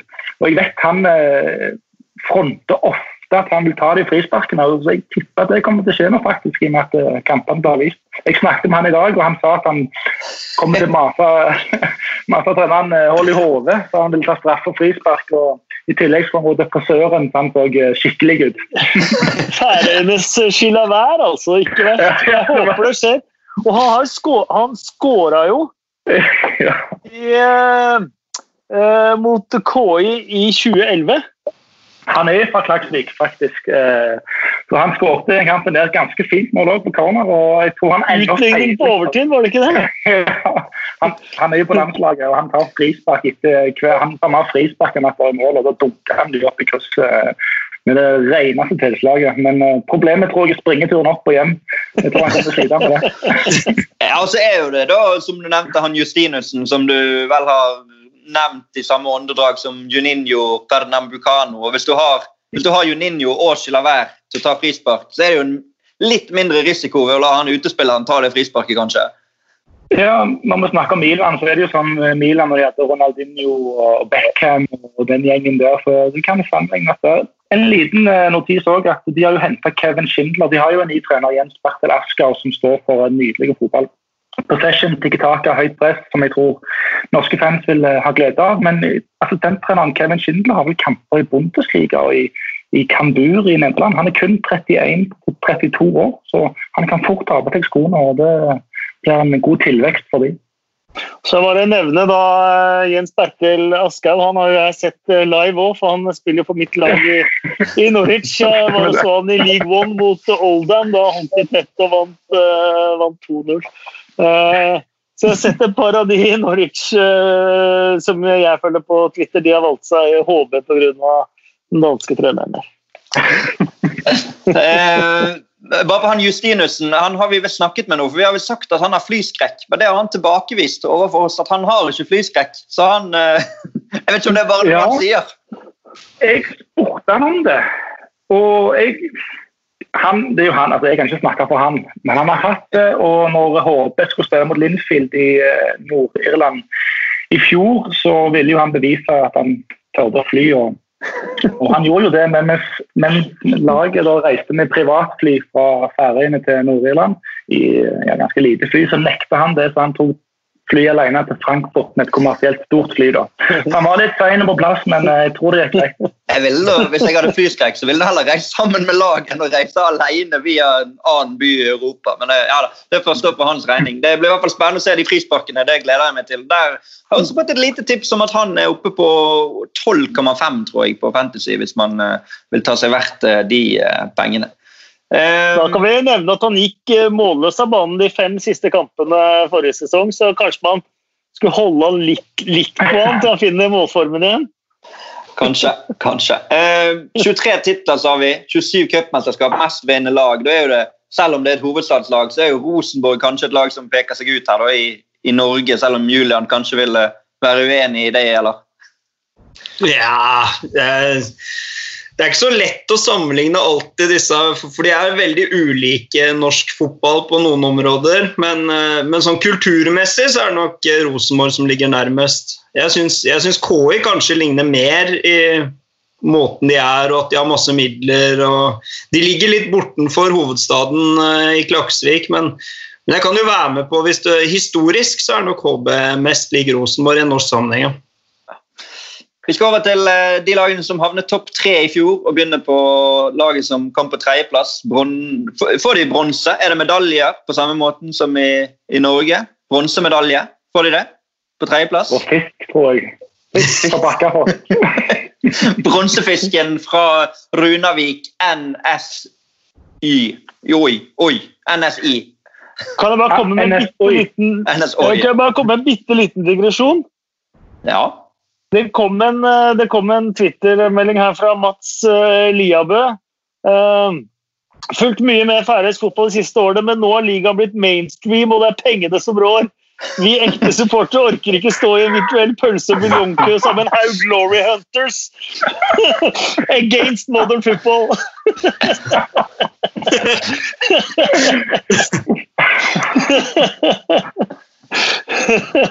Da eh, kommer ikke han til å velge seg eh, nytt favorittlag, i hvert fall. Det kan vi, eh, det kan vi nok skrive under på. Men eh, Nå blir det Shetland, ligaen i Shetland etter Da blir det Shet- Shetland på Mats Liave. gjør nok det. NS, eh, NSI, NSOI, fra Runavik. Ligamester i 2007. Begynner å bli en stund siden, men de har vel kanskje den største angrepsspilleren der, i hvert fall som spiller i Færøyene. Eh, om, han kan, om han er den største i færøysk historie, er vanskelig å si. De har jo hatt noen som har vært i utlandet, men Clement Olsen, når vi sier det, hva tenker du da, Rugby? Ja, helt sant. Eh, Han er nok ikke den beste spilleren. Det har du nok enten Tody Jonsson, som var i start og er vel fortsatt mest skårende utlending i SK, Johan Simen Edmundsson, men, men eh, Clement han har en veldig spesiell historie. Eh, mot alle odds så ble han jo fotballspiller i det hele tatt. Og nå er han mestskårende i, eh, i bedre delen gjennom tidene. Veldig rolig og sindig fyr som er kaptein. Ikke noe spesielt eh, vokabulær. for Han snakker ikke så veldig mye. Men eh, skårer mål, og er veldig flink til å skåre mål. Mot alle odds, sier du. Du må utdype det for de som ikke har, har lest seg opp på han allerede. Ja, Han er jo født med klumpfoter, eh, og det ser de jo på beina nå. at Høyrebein er jo som et tre av muskler, og venstrebein er jo helt motsatt. Men eh, du legger ikke merke til det når han springer eller spiller. Så Det er imponerende at han i det hele tatt klarer å være så aktiv. Han er jo i tillegg tidligere snekker og vaktmester, så det er harde dager for Clement. Og så slutter han dagen av med å skåre mål. 161 mål på 215 seriekamper de siste syv sesongene. Han er vel en åpenbar eh, 13-spiller på Fantasy, for de som eh, vil ha det. Julian, eh, har du ledet laget ditt mot eh, Clement Olsen og prøvd å stoppe han? Er det, er det vanskelig å legge en kampplan for å stoppe en sånn storskårer som han? Nei, jeg har heldigvis sluppet unna han så langt. Men jeg har sett den live opptil flere ganger, og han er et beist inne i boksen der. Han er veldig klok og flink til å posisjonere seg, og han kan avslutte med både klumpfoten og den andre. Så, eh, og, eller med hodet eller rumpa eller magen, eller han er en målskårer. Han, eh, han er fryktelig god, og, og en som kanskje burde ha fått muligheten på et høyere nivå enn færøyske fotball, men han er jo snekker og, og trives godt i Runavik, tror jeg. Jeg har hørt at han bor, jobber eh, og spiller fotball innenfor 100 meter. Så, eh, og han hadde vel en artig kommentar etter landskampen mot, var det mot Norge eller noe sånt nå, hvor, de, eh, hvor han ble spurt på radioen om, om kampen og litt, og da sa han at han hadde dårlig tid for han skulle på snekkeroppdrag klokka sju om morgenen. så han måtte kjappe seg litt. Så han er en, han er en profil her og, og, og en fryktelig god fotballspiller, syns nå jeg. da. Eh, Og, og er litt sånn, jeg, jeg har litt sansen for de som er litt sånn klubbspiller òg. I den moderne fotballen hvor folk bytter klubber oftere enn undertøy, så, så er det godt å se en, eh, en storskårer som har blitt i samme klubb hele livet. Eh, Og jeg tror han kommer til å være der livet ut også.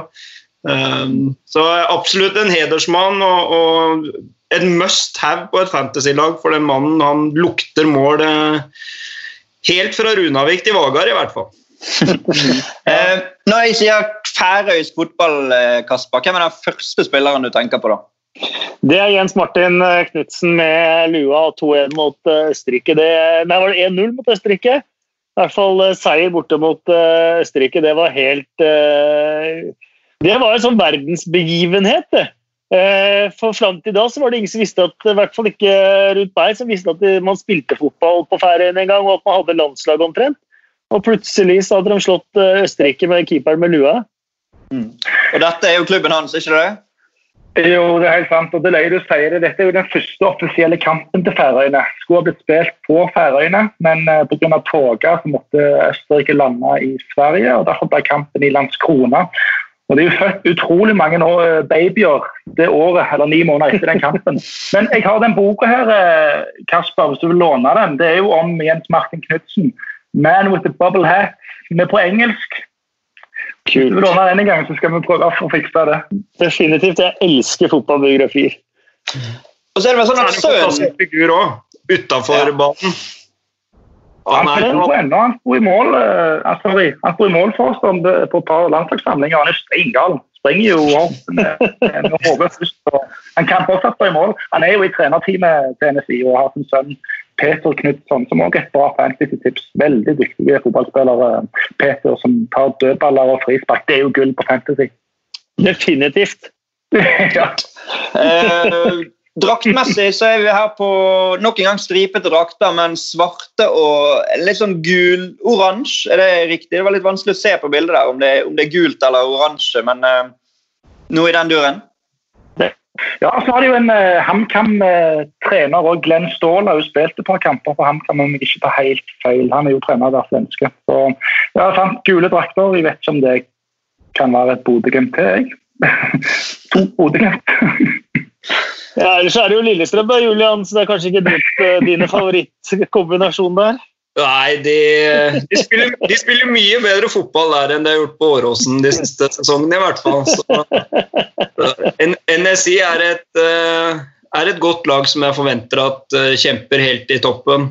De, de har, har fått Vi henta jo, som var jo Regve innpå, han Regve Nilsen, som er sønnen til kanskje den største legenden. Og jeg har lillebroren hans i min klubb. Han er kaptein, men dessverre ute med skade hele sesongen. Men han også fra Ebbe Streimer til NSI er en god signering. Han er en solid type. Og så sitter han på Folketinget på Færøyene også, så han kan vel kanskje ordne dem noen kroner til noe utbygging av stadion, eller hva det skal være for noe.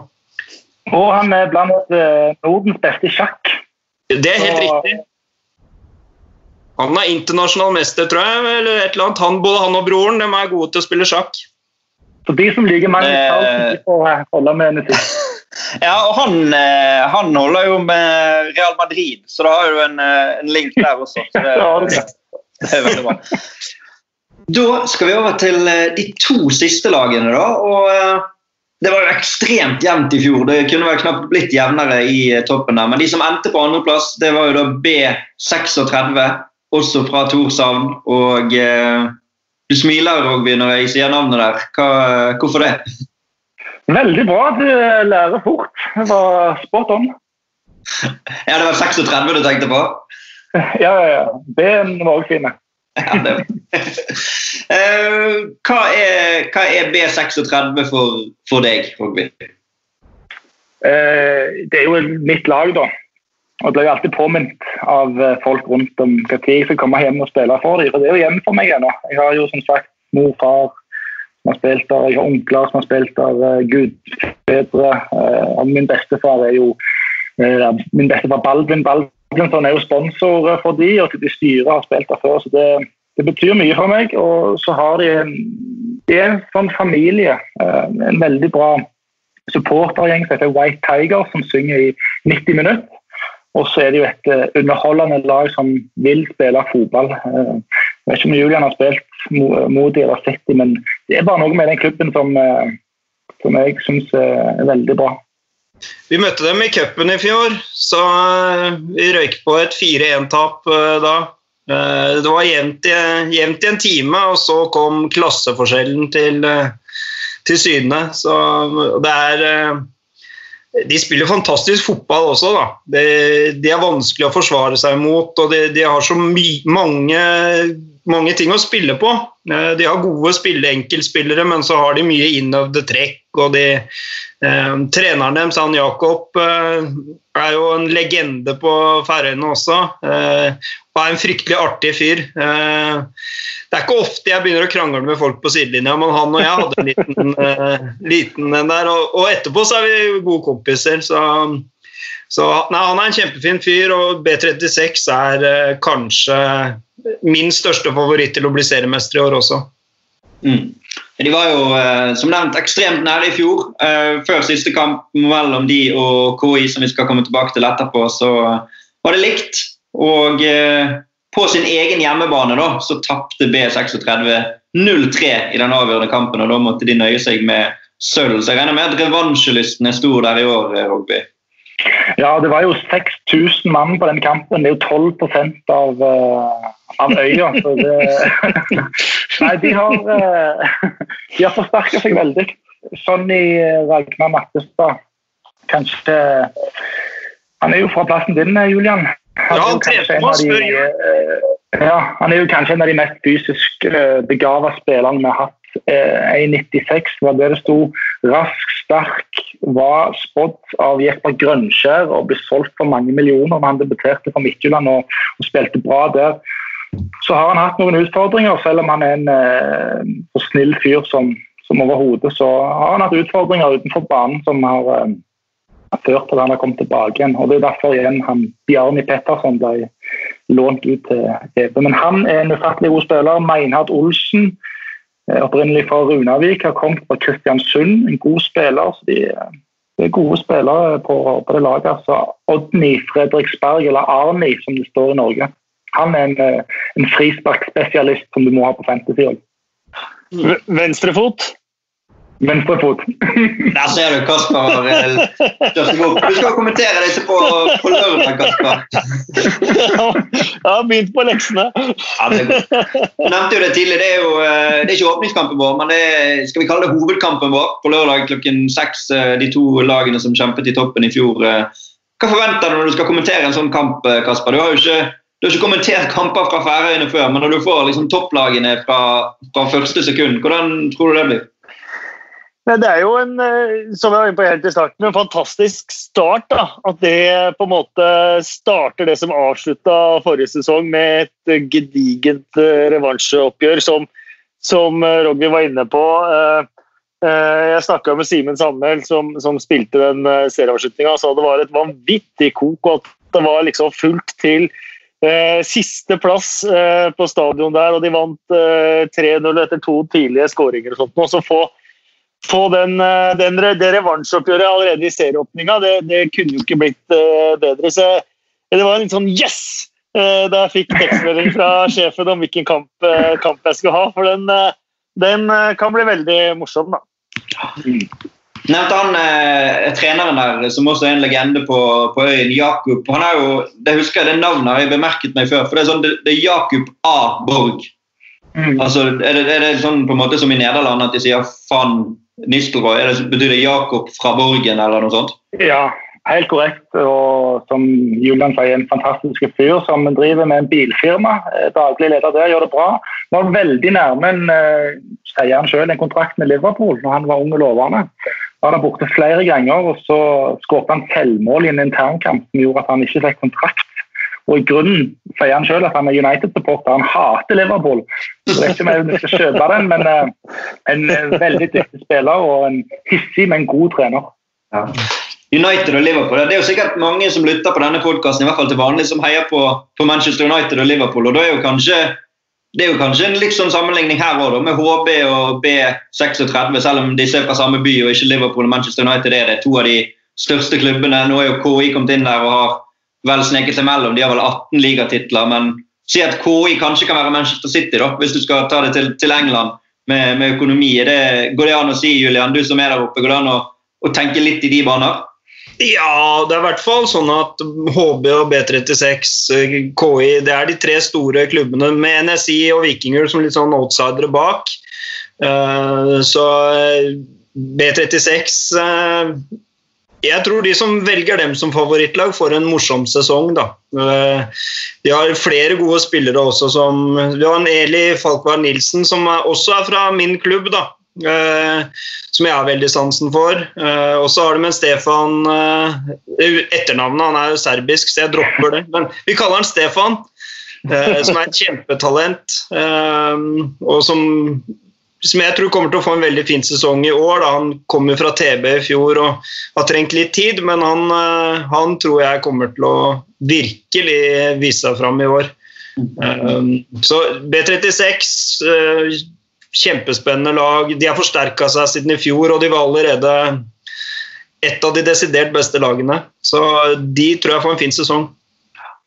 Draktemessig så er jo de hvite, med litt svart på shortsen sin kanskje. Men det er jo også litt sånn Rosenborg, da. Men uh, vi har kanskje allerede delt ut i. Men det, det, er mange faktorer hele veien. Astrid Kasper, Det ser ut som du verker inne med noe. Nei, det er absolutt ikke. Men uh, det har jo mange flotte Hvite drakter pleier å være veldig fine. Alt fra Real Madrid til Tottenham til, til andre. Så uh, det, er, det, er, ofte estetisk fint å se på, på hvitt hvis man klarer å holde det så rent som mulig hvitt. Mm. På generelt grunnlag så syns jeg det er veldig mye fine drakter. Det, det jeg har sett av disse Færøyene-draktene. Så det at folk etterspør de, det tror jeg Du, du nevnte tidligere Rogvi, at man bare ringer klubbene, så skal du sikkert få en drakt. Men det, jeg tror ikke du kan love det for all fremtid hvis dette her skyter i været. For da, blir det mange drakter som må sendes til, til Norge. Eh, da skal vi til de som toppet i fjor. Jeg har allerede vært inne på det. De skal møte B36 på lørdag, og det er jo da KI, KI fra Klaksvik. Og eh, hva er den klubben, da? Hvis vi har nå snakket om disse to storklubbene fra hovedstaden, fra Torshavn, så er Klaksvik eh, ikke derfra? Nei, det ligger litt i utkanten. Eh, og er jo Færøyenes nest største by, hvis vi kan si by. Eh, en eh, klubb som har en ikke, jeg vil ikke si bare én rik onkel, men, men i Klaksvik har sikkert Simen også sagt det, at de elsker fotball. og De har kun Klaksvik der, og, fotballen er så viktig for dem. Nå har jeg fått inn uh, Mitchell Thomasson, som er uh, fra Torsand. Uh, vokste opp uh, steinkast fra min bestefar. så han er på en måte en B36-legende som har gått til, til KI. Han er en fabelaktig trener som også er fulltid, så dette er jobben hans. Eh, så de har jo morgentreninger for enkelte. Mm. Han var vel aktuell for norsk fotball? Jeg var i samtale med Øygarden, det som var Nesp Sotra før sesongen. For det mener jeg leste hans navn i, i bergenske medier der. at han eh, Jeg vet ikke hvor nær han var med å takke ja, det er jo vanskelig å vite, men han, han takket vel nei da, for å bli på Færøyene. Ja da, han, eh, han, har vært med Fredrikstad faktisk også, og Øygarden. Og han tok sin uh, Uefa Pro, det det heter, det høyeste, kurs i Norge. Så han har jo litt relasjoner med, med norske trenere og norsk miljø, så han har et nettverk her oppe. Mm.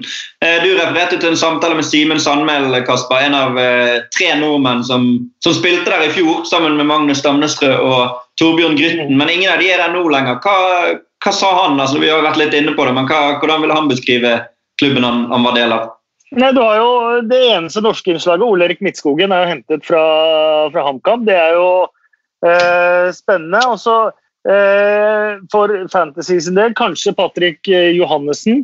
Eh, selv om han er en som pådrar seg mye frispark, eh, visstnok, og det er mye, mye greier eh, rundt, så er han eh, absolutt en spiller å følge, følge med på, fikk jeg beskjed om. Og så for litt ekstrapoeng og sånt nå, Christian Jønsen, keeperen, er eh, straffespesialist. Eh, de snakker visst om at eh, ikke noe stress å få straffe imot, for, for han tar de uansett. Jeg har digresjon der, hvis det er lov å komme med. Patrick spiller venstrekant, det er ikke bra. Han er spiss på stedet, spiller venstrekant, det er aldri bra. Ah. Og Christian Johansen fikk bare seksere på ungdomsskolen. Veldig smart type i tillegg til god keeper. Og så er det, så, så er det elektrikere eller elektrikerlærlinger, halve, halvparten av de eh, virker det som. Fordi det er et elektrikerfirma. Faren til Høyrebekken eh, eier og driver som, som, som sponselaget. Ja, og god høyrebekk. Debuterte mot eh, Malta for oss i, i fjor. Johannes Kalte Danielsen. Han kan jeg tipse mange norske klubber om. En veldig bra høyrebekk. Og så har de også hentet tilbake Oddmar Færø da, til til Færøyene.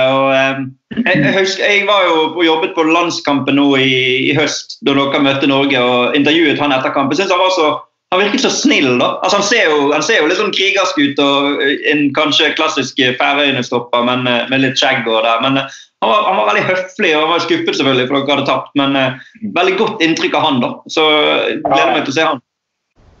Nydelig mann, det òg. Han har jo en far som heter Oddmar Fære, og en bestefar som heter Oddmar Fære. så det, Han har fått en sønn, så du kan gjette hva han heter. Men faren hans, Oddmar Fære, han, faren vokste opp i Danmark, og han spilte på det danske U-landslaget med Mikkel, Mikael Laudrup. Og da var Oddmar Fære seniorkaptein foran Mikael Laudrup. Det er litt kult.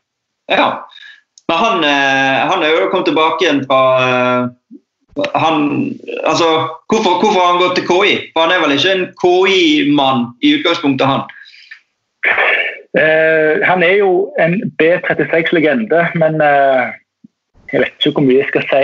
Men ja, det er jo litt cash i bildet her. Uh, så har han, eller kone og familie fra Klaksvik. Det, jeg tror vi velger å si det. Ja, Vi trenger ikke gå noe mer inn på det. Men han er i hvert fall en mann som det er verdt å følge med på. En stor, sterk midtstopper som vi, vi, gleder oss til å følge. Andre, Du nevnte han Patrick Johannessen. og Er det noen flere der som, som vi må merke oss fra regjerende mester?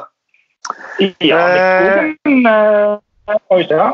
Midtskogen er bra, men den største stjerna er Johannes Bjartali. Eh, up coming-spiller som er veldig bra. Har venstrebein, tar frispark. Det er et par av de på Færøyene. Kasper, du har vel lest litt på Bjartali? Ja da. Eh, Dødballspesialist, klassisk nummer ti. Skårer mye fine mål både på frispark og langskudd. Eh, og så har, har, du midtstopper Deni Pavlovic. Eh, som kanskje var eh, deres bestemann eh, forrige sesong, sammen med Bjartali.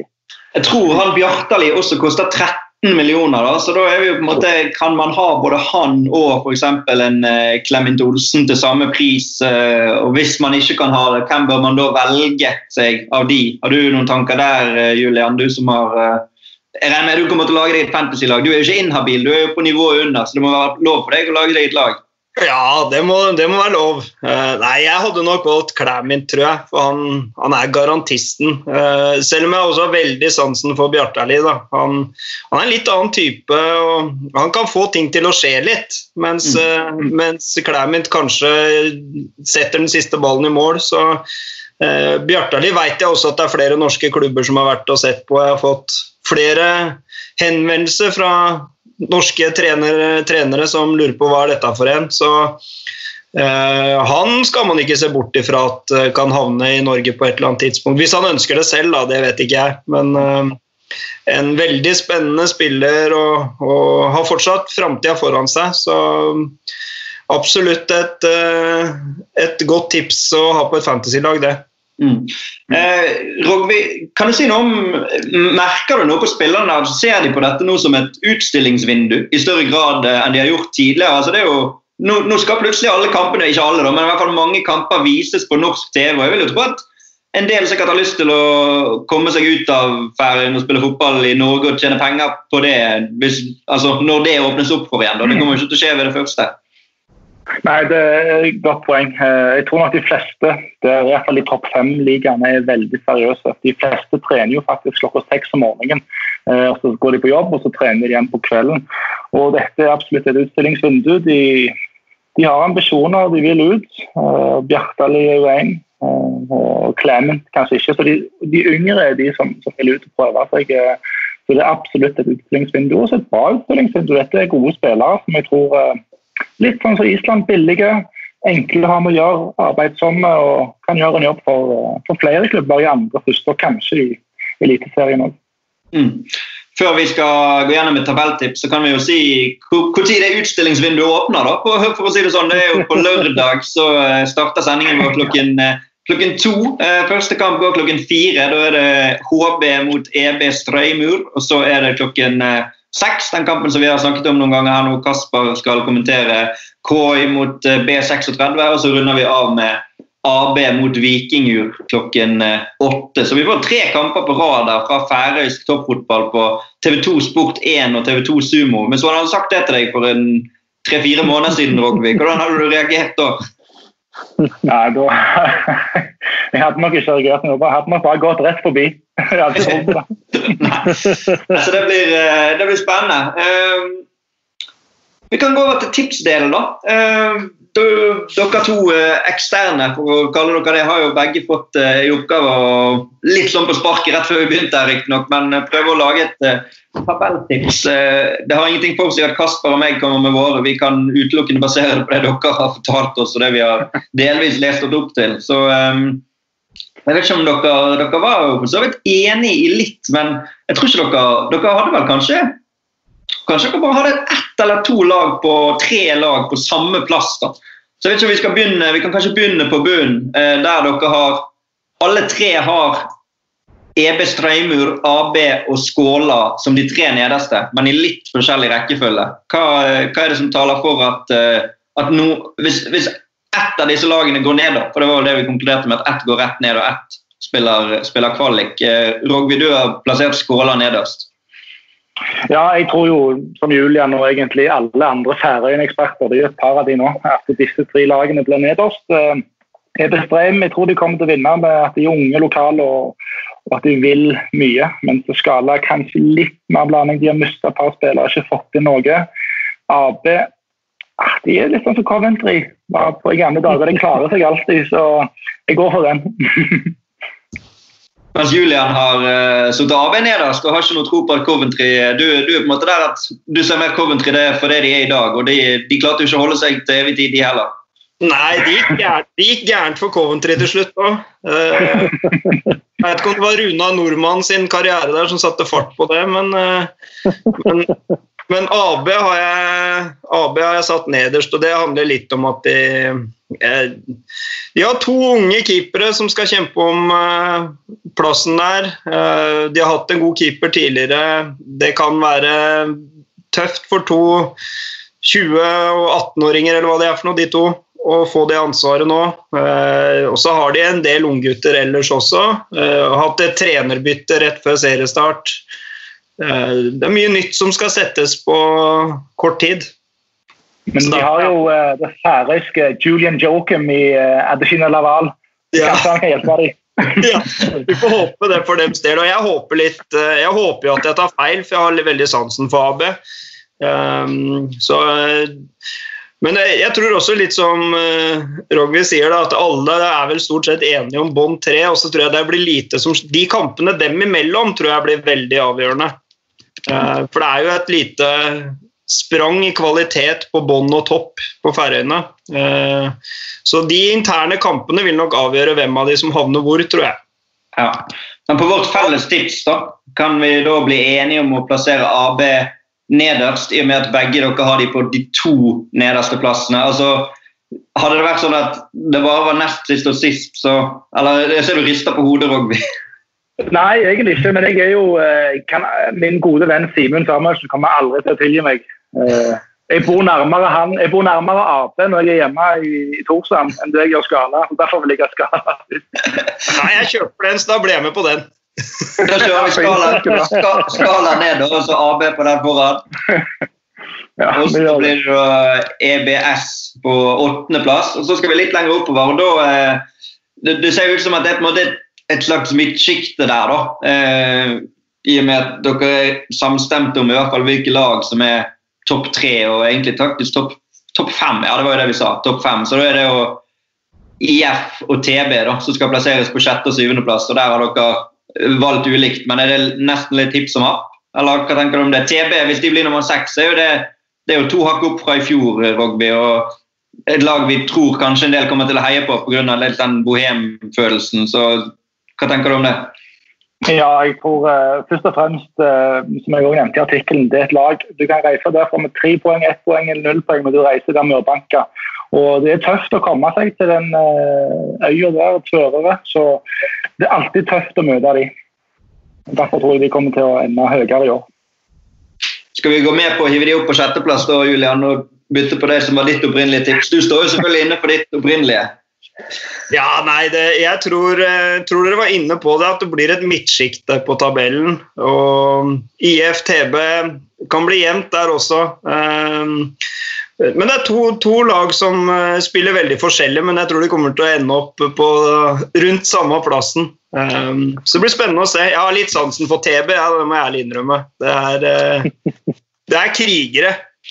Jeg tror mange, mange kommer til å få sansen for de. Jeg tror vi bare lar de lede dette, Kasper. Selv om, eh, selv om vi eh, har lyst til å komme med innspill, så er det vel greit at, eh, at Rogvi og Julian kjører på med, med tipsdelen. Jeg sitter og lytter. Ja, det er veldig bra. Eh, ja. TB blir jo 16. mai-kampen i Norge. da. TB hjemme mot Klaksvik. Det er en storkamp for på selveste 16. mai, så det er noe folk kan glede seg til. Det er faktisk bare å glede seg til. Vi gleder oss til Vikingur. De har dere begge plassert på femteplass. Og NSI på fjerdeplass, så der er dere enige. Vi trenger ikke ta noen nærmere diskusjon på de plassene, men eh, når vi kommer til topp tre Stor fanskare i Norge, Vikinger. Stor fanskare. Det kommer de til å få, alle sammen. Eh, men én, to og tre på dette tipset, der har dere forskjellig rekkefølge. Dere har samme lag på sølv, men byttet på gull og ja, fisk, da, var det vel det viste seg at tredjeplassen fikk bronse. Eh, da kan vi jo begynne med, med Julian, kanskje, som har plassert Rogvis B36 på topp. Ja. Nei, for jeg syns de har sett uh, I treningskampene som jeg har vært og sett på, så har de sett ut som det beste laget. Uh, på papiret syns jeg de har den beste stallen også. Uh, så er det nok bare Rogvi som har lyst til å skjerme styremedlemmene i familien for litt ekstra press, tror jeg, da. Jeg snakka jo med Hans, Hans, Jørgen i IF også, og han mente at B36 var soleklare favoritter i hans øyne. Så, så er det litt det at når de tapte på målstreken i fjor, det tror jeg kommer til å utløse litt energi. Da. Det er litt sånn Litt som Ferguson i, Manchester United når de røyk på målstreken mot City der, så var han ganske tydelig på at kjent på den følelsen her. Aldri igjen. Og mm. den tror jeg de kjenner i B36 i år, og det tror jeg vil utløse litt energi. Så jeg har dem som en soleklar nummer én uh, hos meg. Uh, men det blir nok en fight med KI, tror jeg. Uh, og så har jeg satt HB på tredjeplass. Uh, og De syns jeg er de vanskeligste med ny trener og, og, litt sånn å si. HB har kanskje gått litt under radaren, så kanskje de kan overraske litt uh, i år, de også. Men for meg B36. Ja, og du har jo virkelig sagt at de vil overraske, Rogvi. og plasserte de opp fra en fjerdeplass i fjor og til topps i år, selv om det er en historisk solid klubb. og De vant vel ganske overlegent så sent som for to år siden, men allikevel litt overraskende for, for, Julian i hvert fall da, at du har plassert dem på topp. Hvorfor, hvorfor, tror du det? De har en veldig dyktig trener i uh, tidligere Norwich-spiller Jens uh, Berkli Askau, som har fått dem til å spille veldig bra i, i Adrian Justinesen skåret 11 mål i preseason. Uh, Peter Petersson, eller Peter Fenn, har skåret fem eller seks mål. relativt ung, spennende spiss. Men måten de spiller på. Og det har jo liksom gått eh, en gjengang da, i, i uh, motstanderne i år, uh, bl.a. i Vikinger og NSI. De som er møtt, de sier at de spiller en fotball som er veldig imponerende. Så et godt lag som uh, vil dra nytte av alle de frisparkmålene Adrian kommer til å skåre. Merker det blir vanskelig å liksom skulle falle ned på et endelig tips her. da, for Begge har jo KI på regjerende mester på sølvplass. Men hvis man skal ta snittipset av det dere tipper, så blir jo det laget på en måte over de andre. Jeg vet ikke hva, dere, hva dere tenker der. Blir tre kanskje, ja, jeg tror kanskje KI kan komme på tredjeplass hvis vi skal endre det. for De har mista Simen Sandvel, som var veldig viktige. Eh, de har mista eh, Torben Grøtten, som ikke spilte så mye, men kom inn og, og fikk noen mål. Og så tror jeg kanskje litt Netta i år B36 har jeg på tredje, for jeg tror de mister Sonny i Nattestad og Meinar Olsen i sommer. Eh, som, hvis ting blir normale, da. Så Derfor tror jeg at de eh, kommer på tredje, for de mister de to i sommer. Mm. Hva tenker du, Julian? Skal vi prøve å enes om noe i fellesskap her, eller? Kjøper, kjøper, du argumentene hans, eller tror du det bare er et skalkeskjul for å få presset vekk fra seg sjøl? Nei, det er klart. Jeg må jo ta tipset ut ifra hva de har i dag i stallen. Og da er jo både Meinhardt og, og, og, Nattestad der, så jeg holder på B36, jeg. også. så tror jeg hvis jeg vinner, så blir Rogby veldig glad for det. Nei, jeg tror, jeg tror, jeg tror vi nesten må sette de øverst, altså. Og basert på Ja, vi gjør det. Og så blir det da eh, HB på andreplass. Det blir jo eh, det blir jo veldig spennende da, hvis det blir sånn som dette. Da kommer det til å koke i Torshavn utover, uh, utover, året. Det er det ingen tvil om. Da har vi vårt endelige tips. Det er altså B36, HB, KI, NSI, Vikingur, TB, IF, OIF, unnskyld, EBS, AB og Skala. Og så har vi faktisk fått et spørsmål her eh, fra Kevin Madsen. Mulig å få en kjapp runde med uttalen av alle disse lagnavnene. Og det har vi jo vært inne på. Eh, men det var jo ikke riktig det jeg leste nå, da. Eh, ville du kjørt en kjapp repetisjon Rogby, av den eh, tabellen vår med riktig uttale, for de som har lyst til å si det helt rett? Ja, jeg skal være kjapp. Så må dere bare rette meg hvis vi, det blir forskjellig fra min. Men skala ja, Jeg skal, jeg skal rette deg. ja, gjør det. Skala, eh, sisteplass. Og så er det AP, La Alger, Episteymour, OIF, TP, Butchinger, NSOI, B36, KAI og HP. Altså må vi jo bytte HP og B36, da. Ja, det, er, det er veldig bra. Eh, vi gleder oss veldig til dette, Kasper. Det blir spennende. Ja, jeg, jeg gleder meg. Jeg gleder meg bare til å se live fotball og fotball som betyr noe og alt det der. Uh, så jeg gleder meg helt uh, enormt, faktisk. Det blir Kjempegøy. Og så vet vi jo at AB har Westham-draktene, Julian. Eh, men hvem er ligaens Julian Dix? Ah, det er ingen andre enn Julian Dix. Det finnes ikke kopier av ham. Det, det, finnes bare én gud. Det er jo kanskje han Paul Ingasson er jo litt i den, i den sammenhengen. Kanskje. kanskje var han som var nærmest. Ja. Uh, bare, bare sånn siste aspekt. Altså, vi, det var jo snakk om at det skulle spilles kamper i eller treningskampen i Sverige for en stund siden.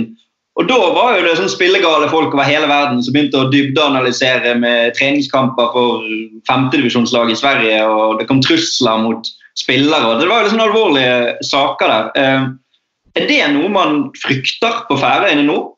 At det sitter noen mafiabosser nede på Balkan og skal trekke noen tråder og, og lokke med kampfiksing, rett og slett, Rogvi? Altså, det er jo litt sånn seriøst spørsmål å avrunde en, en podkast med, men, eh, men jeg føler kanskje at det, det, kan jo skje. Det kan jo skje. Det er jo et uh, Som samfunnet er i dag, så det er et poeng som er verdt å stille. Uh, jeg tror det kan komme til å skje, men jeg kan ikke tenke meg at uh, folk fra Færøyene kommer til å bidra seg på dette. Det er ikke veldig materialistiske folk som uh, har det godt med ydmyke. så Du blir jo ydmyk av det vær og vind som er der. Jeg kan ikke tenke meg at det vil skje. Uh, og Hvis det skjer, så tror jeg de bare får så tror jeg vi bare rapporterer det videre til, DFSF.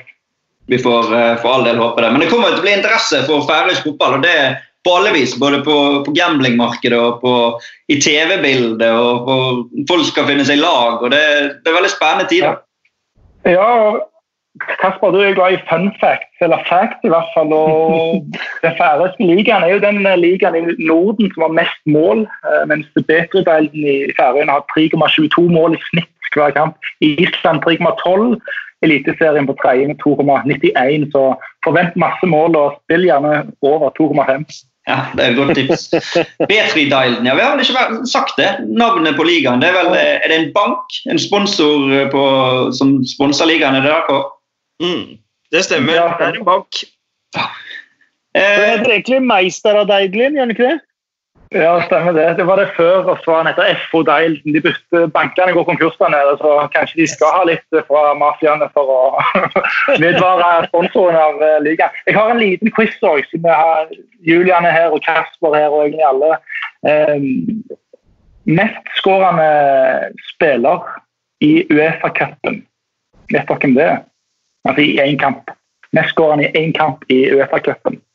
Det er, er ikke det Eldar Hansen Vemedovic? Helt korrekt for. Det var mot Runavik. Korrekt for. Lyn. Lyn, ja. 6-0 ble det. Tre poeng. Skal jeg få lov å avrunde med en liten quiz, da, siden vi tross alt er og har lånt Premier League-podkasten til Kasper? Så er mitt quiz-spørsmål til dere det er hvilken spiller som er den eneste fra Færøyene som har spilt i Premier League skal jeg svare, eller skal jeg gjøre de Den veit til og med jeg. ja, du kan få lov å svare. Ja, Gunnar Nilsen. Faktisk så skrev inn Nilsen feil. N-E-I-L. Senna istedenfor. Han skulle rett, så Den eneste gangen han fikk spille eh, mot Arsenal, da Colo Touré bare kalte ham keeper, keeper, så fikk han ikke sitt eget navn på drakta engang. Tenk det! Det er helt riktig. Gunnar Nilsen for Manchester City mot Arsenal. Holdt null, da. Spilte et kvarter etter at uh, Shay Given skadet der i fjerde siste runde. Fikk jo ikke spille de siste kampene for de hentet inn en annen sånn uh, emergency goalkeeper, men fikk seg et kvarter i Premier League, og det uh, Kjenner du han, Rogby? Ja, ja, ja. Han er jo en av mine gode, gode venner. og Han er jo keeper ennå for Færøyene, så vi er jo gode venner. Ja, selvfølgelig. Er jo, han er jo aktiv fremdeles spiller på FH i Island. Har slitt litt med skade i det siste, men en, eh, kanskje litt over eh, det beste. På det beste var han veldig god. Selv om de kan ha fått Gunnar Såbehanske i Silkeborg, så er han en veldig god keeper og har hatt noen, eh, hatt noen enorme kamper som jeg er spesielt glad for når jeg har dumma meg ut baki der, så han redda meg gang etter gang. Jeg merker vi, vi kunne bli sittende, men vi må la ja. dagen fortsette, tror jeg. Og så får vi heller vurdere nye podkaster utover hvis uh, dette her eh, materialiserer seg til noen enorme greier. Uh, tusen takk for at dere har vært med. Håper dere uh, tar vare på hverandre og koser dere så mye som mulig i disse tider. Og så kan vi nok en gang minne om da, sendestart, lørdag klokken 14.00 på TV2 Sport 1 og TV2 Sumo. Første kamp 16.00 HB mot EB Streimor. 18.00 KI mot B36 og 20.00 AB mot Vikingur. Vi kan vinke i fellesskap, det er ingen som ser, men så kan vi si ha det i fellesskap. da. Ha det bra! Det kan vi gjøre, og minne om at eh, Premier League-podkasten i sin vanlige utgave kommer ut igjen allerede i morgen med Erik Thorstvedt og Espen Ven, og da handler det om Premier League. Takk for nå. Takk for nå.